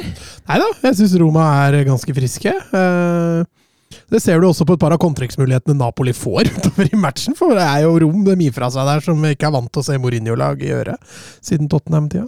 Eh, Så jeg syns ikke, ikke Mourinho og Roma bør grave seg ned av dette, sånn prestasjonsmessig i hvert fall. Nei, jeg syns de mm, åpner strålende, og det er liksom på en måte Det er jo verdensklasse-involveringer som gjør 1-0. Mm. Ja, ja. Det er, det er en helt vill scoring. Mm, Ja, innlegget til Kvaratskhelia der lander jo akkurat der det må. og Den, den andre touchen til Oshimen, Den- låret- ja, den tror jeg setter alle ut der. For der tenker man enten at han må skyte, eller at han må vende vekk. Og det at han velger å ta den på låret, og så fullføre samme bevegelse med skuddet, da. Og så i tillegg da helt oppe i nettak. Og, nei, det er pur klasse. Minner litt om den Mitoma har mot Liverpool uh, for Ja, Brighton. ja, ja, Ja. ja, helt enig. Absolutt. Det er, det er så verdensklasse. Det er så verdensklasse. Og det er liksom Han bare befester hver eneste uke posisjonen hans som en av verdens klart beste spisser. Ja, The one that got away, fra mitt perspektiv. ja, den, den, den er sur. Ja, det, det, nå, nå kan jo bare skyve det inn. Schmatka er jo ferdig nå. Han ga seg jo i går, eh, og sjefen har tatt over som sportssjef. Eh, og han hadde jo et lengre intervju i Kikka nå, eh, med tanke på at han skulle nå legge manager-PC-en på hylla, hvis man kan si det sånn, da. Og da blir hun spurt om Asimen, og da sa han ja, nei, da jeg kom, eh, så ble jeg fortalt at eh, det var ingen spisser. Og så sier jeg ja, men det er jo noen spisser i troppen. Og bare nei, de er bare ubrukelige, bare å selge. Og da solgte han Ossimen for småpenger til Cardova. Og var litt, var litt sjølkritisk på det òg. Altså, en av- hvis man ser på det nå, så var jo ikke det en, en god avgjørelse. her. Men, men, men selv om eh, Napoli tar mer kontroll etter 1-0-skåringen, så, så er det veldig artig å se hvordan eh, Roma begynner å variere presset for å prøve å, å, å, å på en måte komme seg inn i matchen. Det er, det er liksom det det det er ikke Mourinho som tar hensyn til verdensklasse. Det er veldig, veldig spesielt. Men, men eh, her er også det er litt sånn Napoli, da, som er vant med å spille motstandere ganske lavt i perioder. da. Eh, De sliter med å få til det mot, mot Roma, som tør å stå høyt. og og spesielt da venstresida, som ofte kommer til avslutning. da, Pellegrini og Spinazzola, som, som ofte kommer i overtall på venstre. Nei, det var, eh, ble litt overraska når du så, så kampen. Det ble litt mer tempo og fart enn det du forventa. Ja, absolutt. Og utover i annen omgang der også. Jeg syns Roma fortsetter å, å imponere. Det eneste jeg satt og tenkte på flere ganger, jeg syns den der 5-2-1-2-formasjonen som, som gjorde at, eh, at Abraham, Pellegrini og Dybala blei litt, litt alene innimellom i den overgangsfasen. Det blei litt bedre når El Sharawi kom inn. Eh, Han fikk støtte av dem litt mer, men skulle gjerne hatt en trussel fra høyresida også, for det blei mye venstre sentrum. Mm. Eh, men men det, det er jo helt klart at det, det, det er jo ikke noe å si når Roma setter 1-1 der. eh. nei, det er helt greit, det. El Sharawi der etter et bra, bra trykk. Og så kommer det jeg reagerer på. Der blir han Mourinho. Når du får 1-1 der, Mm. da blir han Mourinho. Tenker du, tenker, altså Kjenner du ikke deg igjen litt fra en Tottenham-tida? Var det ikke akkurat det samme i Tottenham? Hver gang man hadde det resultatet man ville ha, eh, så la man seg Jo, bak. men, jo og det, det er jeg helt enig i, men på grunn av den inngangen de hadde her, så, og, og at de på 1-1 faktisk har momentum, Mm. så velger man å gi fra seg det. Mm. For å, for å gå inn i 1-1 her. Mm. Ja, som sagt, det det er ikke noe nytt med Mourinho. Det har vi sett mange ganger før med ham.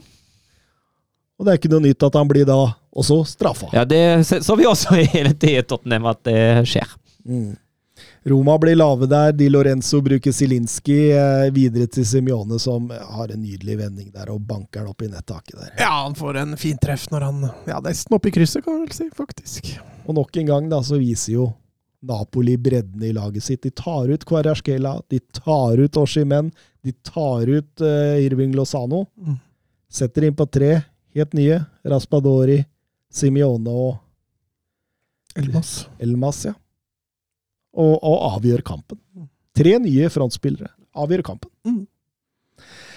Åh, dette Napoli-laget, altså. 13 poeng ned til Inter nå. Um, aldri før i trepoengs per seier-æraen har vært et større gap mellom første- og andreplass i, i Serie A. Vebjørn Fredheim, hvor håpløst er det av en kommentator å helt bevisst kalle Kvadraskela for Kvaradonna gjennom hele kampen? Ja, Fryktelig håpløst. Uh, at det går an, tenker jeg. Uh, det er jo en liten dialog da Nisse lurer på mistenker jo latskap. Jeg er helt enig med Nisse lurer på at Altså, jeg reagerer på sånt. Du kan, du kan gjerne dra inn kallenavnet en eller to ganger. Det er jo artig, uh, særlig med tanke på Napoli, Maradona og alt det der. Uh, men holdt deg til spillernavnet. Jeg reagerer jo også når folk uh, kommenterer Premier League eller tidligere Bundesliga og kaller Erling Braut Haaland konstant for brøyten. Jeg reagerer på det samme. Uh, skal ikke gå an. Gi meg navnet til spilleren. Men han sier det jo i starten av kampen her, at han har et så vanskelig etternavn, så for enkelts skyld så kaller jeg ham bare Kvaradona. jeg. Kvaratskhelia. Altså, det- men det tar, altså, det- tar ikke så lang tid. Sett deg ned i fem minutter og øv den damen som sitter der. Kvisha Kvarasjkela. Jeg tror vi sier det ganske greit. Eh, Geir Halvor Kleiva.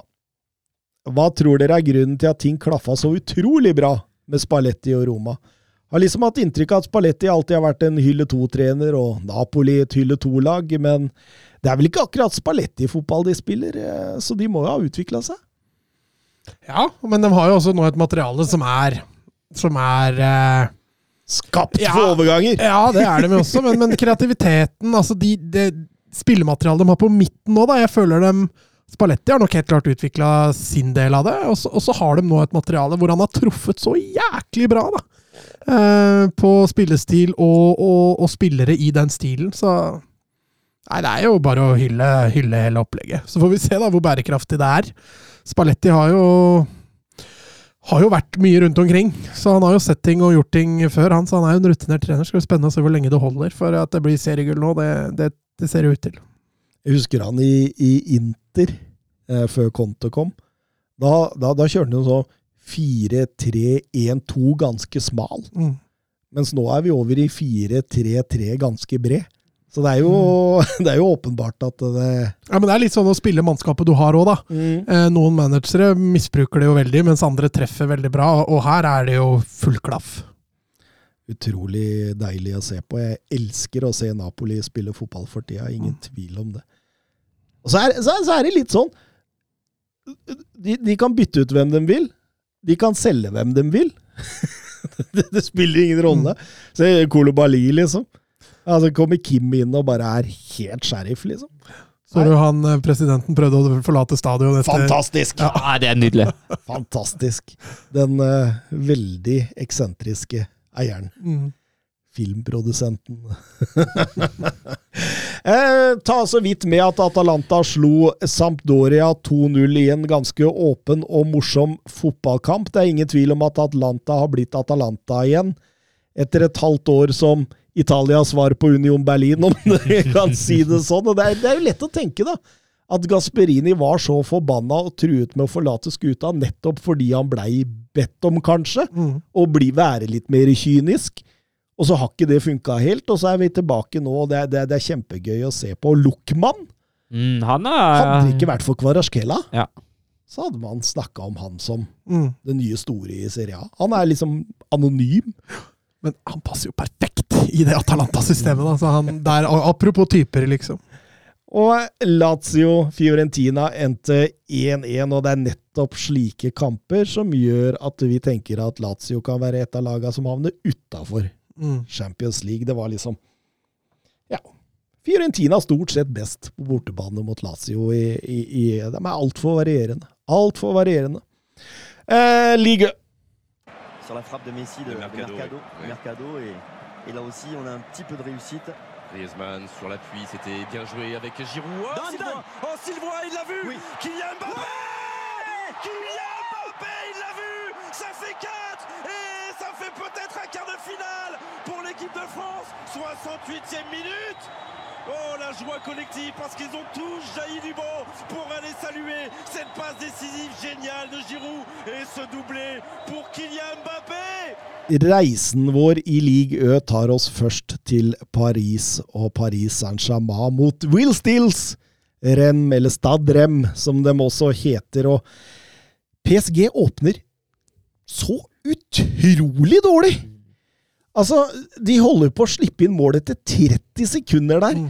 Og, og, og, og eh, Reims får så god kontroll over kampen, og PSG sliter med å skape noe som helst. De, det går for sent, det går på fot, det er lite samhandling. Alt går 1-1-1-1.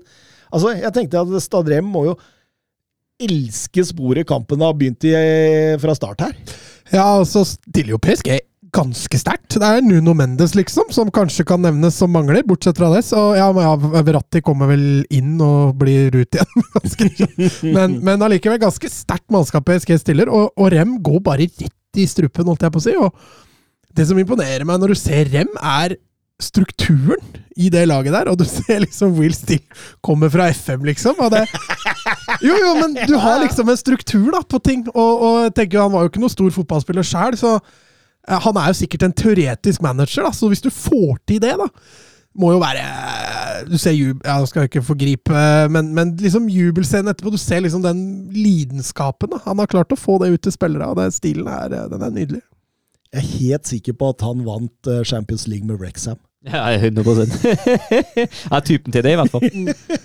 Nei, nei, er, Den der historien her, den er bare helt fantastisk, egentlig. Vi skal komme litt mer tilbake til den, litt mer om kampen her, fordi jeg syns det PSG viser her, det er en sånn gufs fra fortiden. Det minner meg om siste perioden til Thomas Tuchel. Den, eh, det- den minner meg om deler av oppholdet til, til Maurizio Pochettino.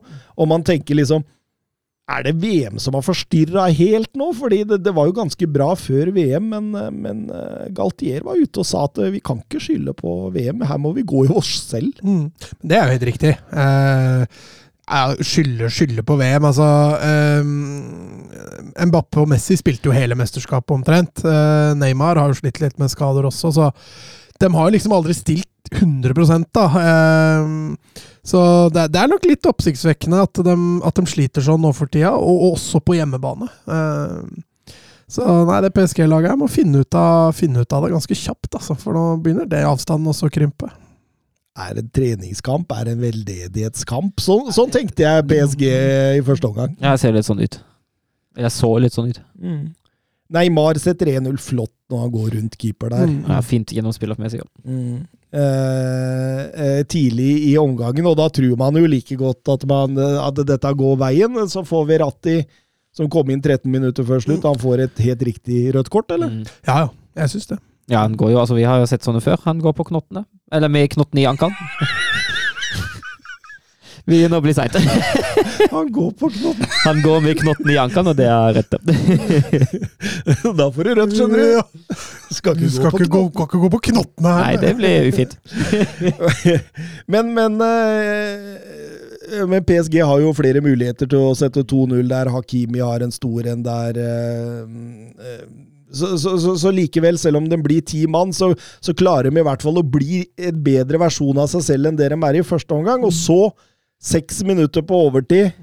Så blir det Balagon spilt gjennom. Ja, og klønete balltap i forkant. da. Mm. Mm.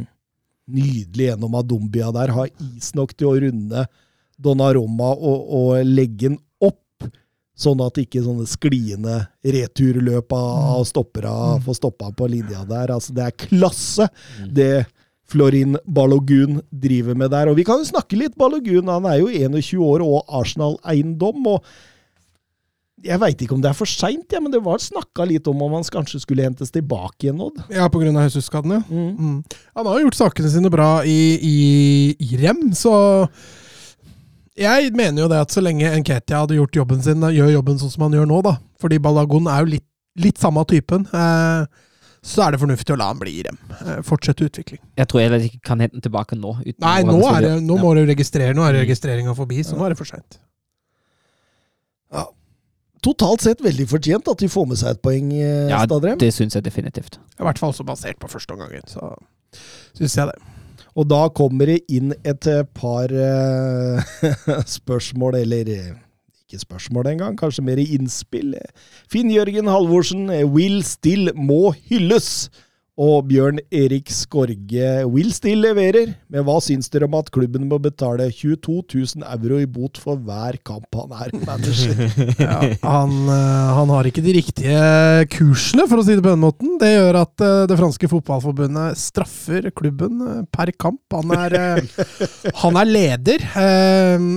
Man har jo lignende i Norge som gjør at, uh, at uh, trenere uten uh, B- og A-lisens kan ikke være trenere på så så høyt nivå. Um, i, i, Frankrike så er det dyrt ja. å ikke ha de riktige kursene. Og jeg tenker jo det at det er selvfølgelig litt urettferdig. Han viser jo at han er en bra trener, at han får til dette her. Samtidig så er det jo en kvalitetssikring fra forbundets side om at du må utdanne trenerne dine. Eh, vanskelig å få til det, selvfølgelig, når du er midt i sesong og alt det der. Men eh, at han tar de riktige kursene til sommeren, hvis dette fortsetter, det, det tror jeg ikke Rem eh, kommer til å eh, motlegge seg noe særlig. Uh, Hylle vil still, ja, jeg var inne på det. Han, uh, han, han er ser ut som veldig teoretisk sterk. da. Det virker som han har gått noen skoler og, og, og har noen klare formeninger om åssen man skal ha strukturen på laget. og og akkurat nå så lever han jo på en sky, og det er jo historien her som gjør det så fascinerende. Eh, ikke, ikke, nødvendigvis at han gjør det så bra, liksom, i seg sjøl, men det er liksom hvor han kommer fra. Det er, det er liksom som om vi skulle ha funnet ut at vi skulle begynne å ta noe Men han har litt større bagasje enn oss, da. I forhold til historie og vært med på, vært under en del store trenere. Og... Ja, men han begynte jo et sted, ikke sant? Ja, ja. Det var jo bare noen speider og noen greier som Han mm. hadde jo søkt med FM-referanser. Mm. Så det det det er jo ekstremt moro. Jeg har vært innom Belgia litt der, og, eh, og Lower League i England. Eh, en utrolig herlig historie. Ubeseira på sine første ti league Ø-kamper som hovedtrener, og sine første tolv totalt. Man slipper omtrent ikke inn mål, Søren Døpker! Ja, det er, jo, det er jo det du trenger i Erik da. Å være defensivt trygg, det er jo førstepri. Ja, nå er han jo ikke nede. Nei, da, nå, nå begynner det jo å komme seg, men han tok jo over i Erik Strand. Jeg så det var vel Han har 19 poeng på 12 matcher, eller hva det var. Hva det var for noe. Er, Rykker ikke ned med de tallene. Nei, nei, nei. ganske, ganske sterke tall. det. Er vel det er vel ti poeng ned. Det er vel mange lag som rykker ned fra ligaen i år. Det er vel eh, ett ekstra. Ja, det er kanskje bare fire. Men- mange men hørtes ut som det var ti lag som rykka. Akkurat nå da, så er det Strasbourg, Ajaxaux, Auxerre og Angers som er de fire nederste. Og ned til Strasbourg så er det elleve poeng. Mm. Så det er jo god klaring. Det ser bra ut, det. Um, Loria vant en eh, ja, effektiv seier mot, mot Renn. 2-1 der. eh, I bunn og grunn ganske flaks at de tar med seg alle tre poengene. Og, og eh, har jo gjort enorme omveltninger på overgangsmarkedet. Solgte jo Ottara til, til eh, Bournemouth, eh, Lauriente som skårte mål mot eh, Milan, til Sassolo tidligere i vinduet. Nå gikk Tere Moffi til, til NIS, og har henta ja, en, en, en god rekke med spillere, inkludert Mveka fra, fra Bodø-Glimt, som de har sendt tilbake til Bodø-Glimt på lån med en gang. Og også Roman Favre. Og, og Bernt Olav Gjellegjerde Hansen han spør tror dere Roman Favre får fart på karriera si i Loria. Eh, Hva betyr salget av Terem Moffi for dem? Og Terem Moffi er jo Altså, jeg har alltid tenkt på han som Han er det for Loria som, eh, som uh, Michael Antonio er for Westham.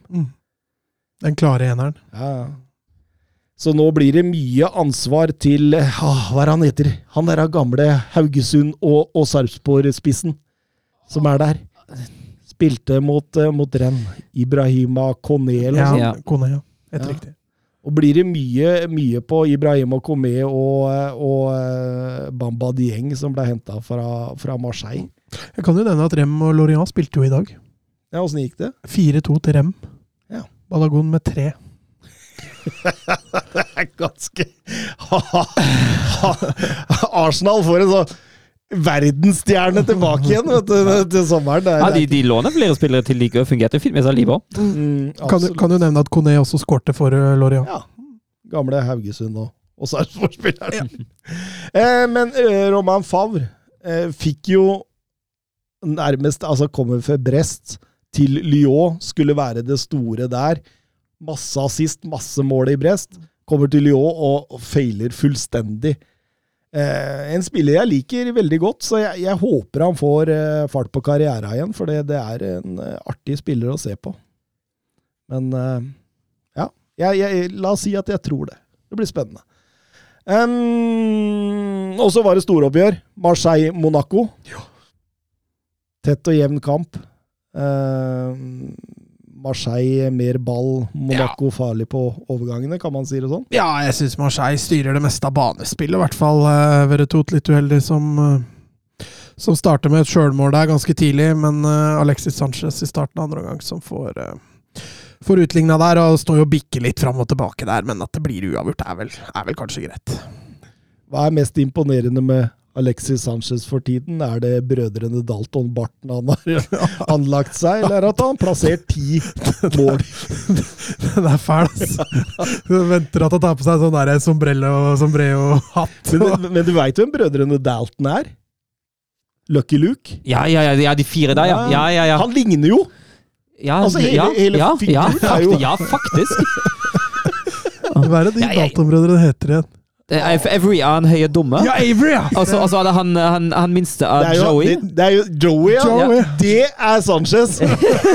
Og så husker jeg ikke hva de to i midten heter. Jeg husker den ellinga der. Det var Essica Essika Dessica Luntan. Det var elte hvem som måtte gjøre ting, husker jeg. Essica Dessica Luntan. Simili make. kykeli kake. Erten perten puff. Men tenker jo Marseille vil se tilbake på denne kampen og litt sånn ah, Slik serierunden blei, med, med at eh, PSG tapte poeng, Lans tapte poeng At det var tre poeng der, så hadde de meldt seg på. Mm. Og, eh, Nei, jeg, jeg, jeg, tror de tenker på det som får spilt eh, sjanse på, på å henge helt med i toppen der. Henta jo Vitinha fra Braga. Eh, jeg nevnte jo Vitinha som et overgangsmål tidligere tidligere ja, for et par-tre episoder siden. vel? Den gikk fortere enn jeg trodde. Og så henta de jo denne Onai. Ja. Eh, Kan du nevne at Marseille vant i dag, da? ja, for det har vært full ligaørunde. Det er PSG spiller nå. Åssen ligger han der? 0-0 mot Montpellier. Artig, artig, artig. Nei, men da, da, da gidder jeg ikke å gå gjennom eh, tabellen noe særlig. Nei, den enda seg jo nå. Jeg kan nevne, Akkurat nå så er det tre poeng mellom Marseille og PSG. De to ligger på topp. Akkurat nå. Hvis ikke PSG skårer, da blir det fort fem poeng. Med de orda så setter vi over til uh, europahjørnet. Bra jobba, gutta! Bra ball! Nei! Ah, grei offside. Tor Håkon, den er grei. Tor Håkon! Nei, Tor Håkon, det var din egen skyld. Ikke bli sint for det, i hvert fall. da. Tor Håkon, ikke kjeft på dommeren, og ikke kjeft på dommeren. Tor Håkon, nå hører du på dommeren. Er hver gang, altså. Hver gang. han er. Ja, og selv om Mats trodde han hadde fri i europahjørnet fram til april, så er våre fantastiske lyttere de, de er veldig på å gi en jobb her. Og Bjørn Erik Skorge skriver eh, Hva tenker eh, Mats om overgangsvinduet til Lillestrøm nå? Tanker om spillere som har forsvunnet, og de som kommer inn, og hva burde Lillestrøm leite videre etter? Eh, jo, altså et overgangsvindu så langt. De har jo hatt et økonomisk veldig gunstig overgangsvindu. Eh, Kan Karin og, og Ogbu frist i minnet ut. Det er nesten 40 millioner rett inn. Når man ser hva andre klubber har solgt da, tilsvarende spillere, så tenker man jo at man kanskje har fått eh, litt underbetalt, for i hvert fall Kan Karin. Men eh, totalt sett ut eh, et veldig lukrativt eh, vindu.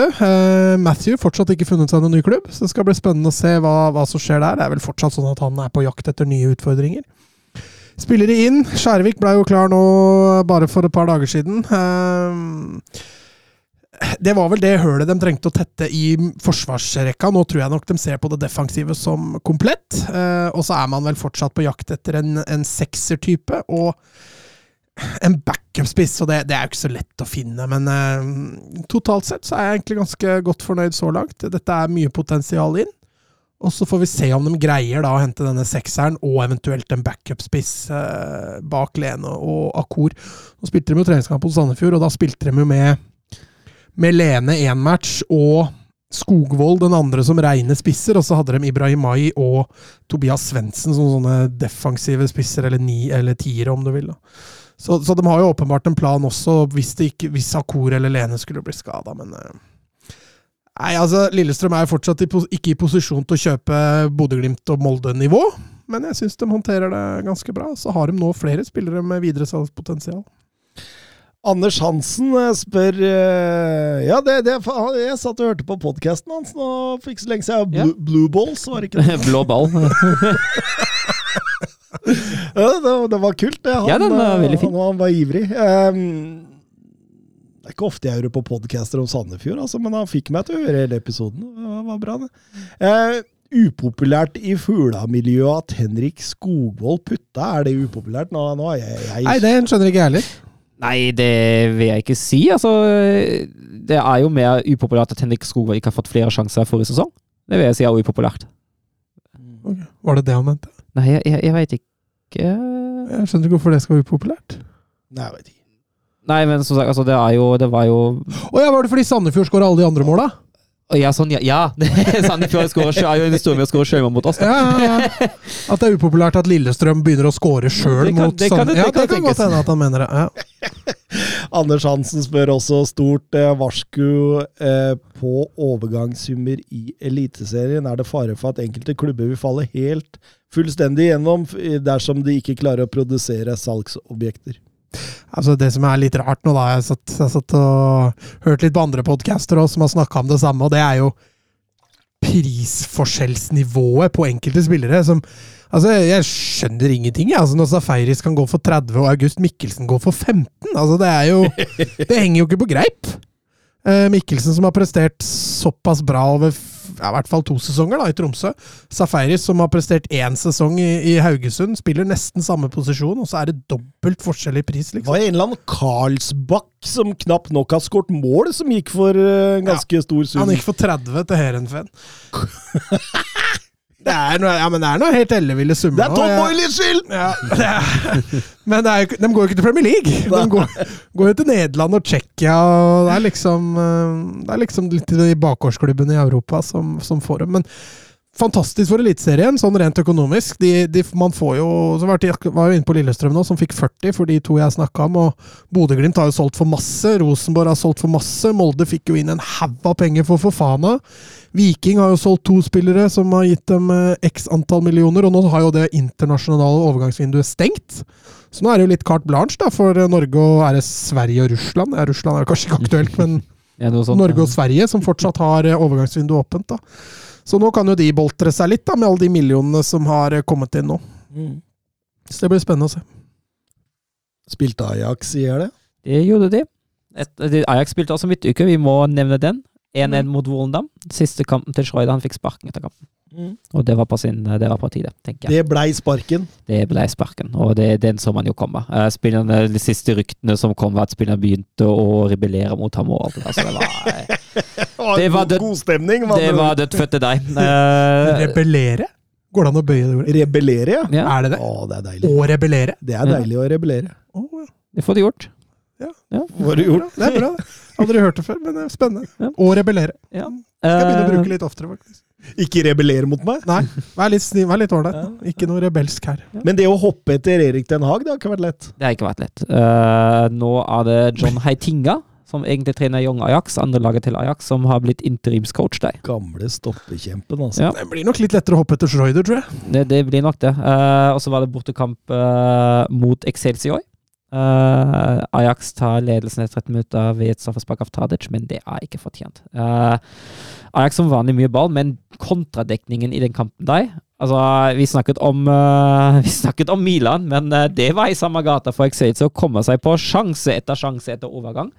Eh, og det er et mirakel at ikke de skåra tidligere. Eh, de utligner etter 35 eh, i kjølvannet av en kone, og det er fullt fortjent, og Excelsior kunne fint lede òg.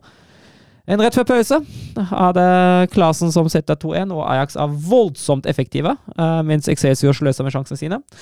Og så er det en rolig andre omgang. Ajax har langt mer kontroll, spiller langt mer kontrollert. Uh, Sikra kontringene langt bedre nå.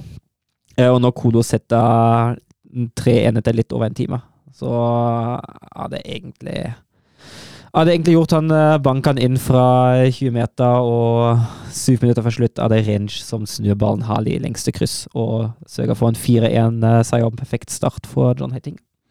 Deilig. Og så kan jeg jo si at eh, blant de som har rykta nå, som du nevnte, Petter Bosch og Louis van Gaal også, faktisk. Petter Bosch. Ja.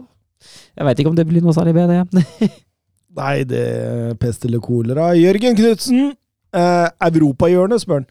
Snakk om lille Elversberg som akkurat nå topper tredjeliga. Jeg er imponert. Tettstedet har knapt 13 000 innbyggere, og hvor nesten alle får plass på hjemmearenaen Waldstadion Keiserlinde. Kapasitet på ca. 10 000. Jeg skjønner ingenting av dette spørsmålet, Søren. Vi har litt dårlig tid, så du må svare kjapt. Vi skal svare kjapt. Elversberg nyopprykka var de som kasta ut eh, Leverkosen. Leder, som han sier, t- eh, tredjeliga med sju poengs margin ned til VN Wiesbaden på andreplass. Kjempeoverraskende. av egentlig en eh, underdog. Eh, men eh, spiller en fantastisk og dominerende fotball, ledet av trener Horst Steffen. Eh, veldig variert. eh, veldig mange korte pasninger. Uh, Tiki-taka. En form for Klikken, tiki-taka. klakken. Eh, var veldig kjent for høyt press og gegenpress uh, i lavere divisjon før de rykka opp. Uh, har justert seg litt og eh, virkelig dominerer, eh, og til tider feier motstandere av banen. Og dette ser veldig bra ut. Det har vært skikkelig kult om et sånt underdog-lag klarte å ta steget opp til andre bondesliga. og Akkurat nå ser det veldig, veldig bra ut. Kult. Um, Veit ikke hvor mye jeg skal ta ligaen oss for tiden. Eh, Det er litt kaotisk oppsett nå. Det er litt cuper om hverandre og sånt. Men Faktum er at Benfica har spilt to kamper siden sist vi var her, mens Porto, Sporting og Braga ikke har spilt en eneste en. Eller det vil si at de spiller i kveld. Eh, Porto spiller borte mot Maritimo og Sporting Braga i, i, i toppkamp. Eh. Men eh, Benfica dro til Pacos de Ferreira. Eh, en ganske tidlig 0-2-ledelse som de holder kampen igjennom. Eh, utrolig kjedelig annen omgang. Eh, Grimaldo og Mario eh, målskårere i den kampen. Og i går kveld møtte de Aroca på bortebane uten en Enzo Fernandez som var på vei til London. Uten en Gonzalo Ramos som var ute med skade. En Tengstedt på benken blei der hele kampen. Og en Schjelderup som fortsatt ikke var i tropp, men med en Fredrik Aursnes som hadde to assist og var strålende. Det var ikke noe stor kamp, men, men eh, Benfica vinner ganske greit. 3-0. Det er Petar Musa som setter 0-3 mot slutten av kampen. Peter Musa, som vi er glad i, i, i dette studioet. Vi avslutter med et spørsmål fra Ole Haaland. Åssen vil Benfica erstatte Enzo Fernandes nå? Maximo Perone, som var tiltenkt erstatter, gikk jo til City, som dere nevnte. Um, Chiquinho fikk eh, plassen i går. Jeg tror ikke det er noe permanent løsning, altså utover denne sesongen. Eh, tror også det er litt av grunnen til at Benfica var så vanskelig på denne overgangen. At eh, det gjør laget ganske markant svakere. Og nå skal de inn i Champions League, og det, det, er, det er, ikke noe god deal for dem sånn sett å miste Enzo Fernandes sånn det er eh, nå. Eh, jeg kan ikke finne noen klar erstatter i laget. Eh, kan man ikke trekke Aursnes ned? Det er jo der han spiller på landslaget. Ja, man kan, og, og, og, vil nok også gjøre det på grunn av når Neres er tilbake for mm. fullt, Gedes Skjeldrup. ja, Tengstedt. Eh, så, så det, kan være en løsning, men, men, på lengre sikt så tror jeg nok at uh, scouting-systemet vil få en jobb å gjøre. og Man vet jo aldri hva de tryller fra, fra eget akademi heller. Det gror godt der, men um, Nei, det blir, det blir, spennende å se. Det er ikke, jeg har ikke noen klar svar. Jeg syns ditt svar var kanskje det, det beste, men han, han, valgte ikke det mot Arocha i går, da.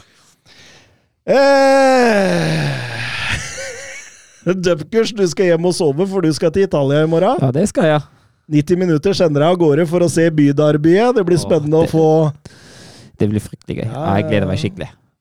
Betalt av eh, flyselskapet Flyr, så drar du av gårde nedover. Ja, det er betalt uh, av egen lomme. Beta betalt av studio her, vi kan si det sånn. Alle sponsorinntektene våre! Ja, vi sendte jo Rune til Tyskland og denne helga som var nå, så Skal vi bare si at uh, det var det, og så Til slutt så anbefaler vi alle å, å gå og sjekke podkasten Blue Balls. Mm. Hva er det han heter igjen? Blå ball? Blå ball. Blå ball. Ja. Takk for det. Det var det siste ordet. Ha det bra. Ha det.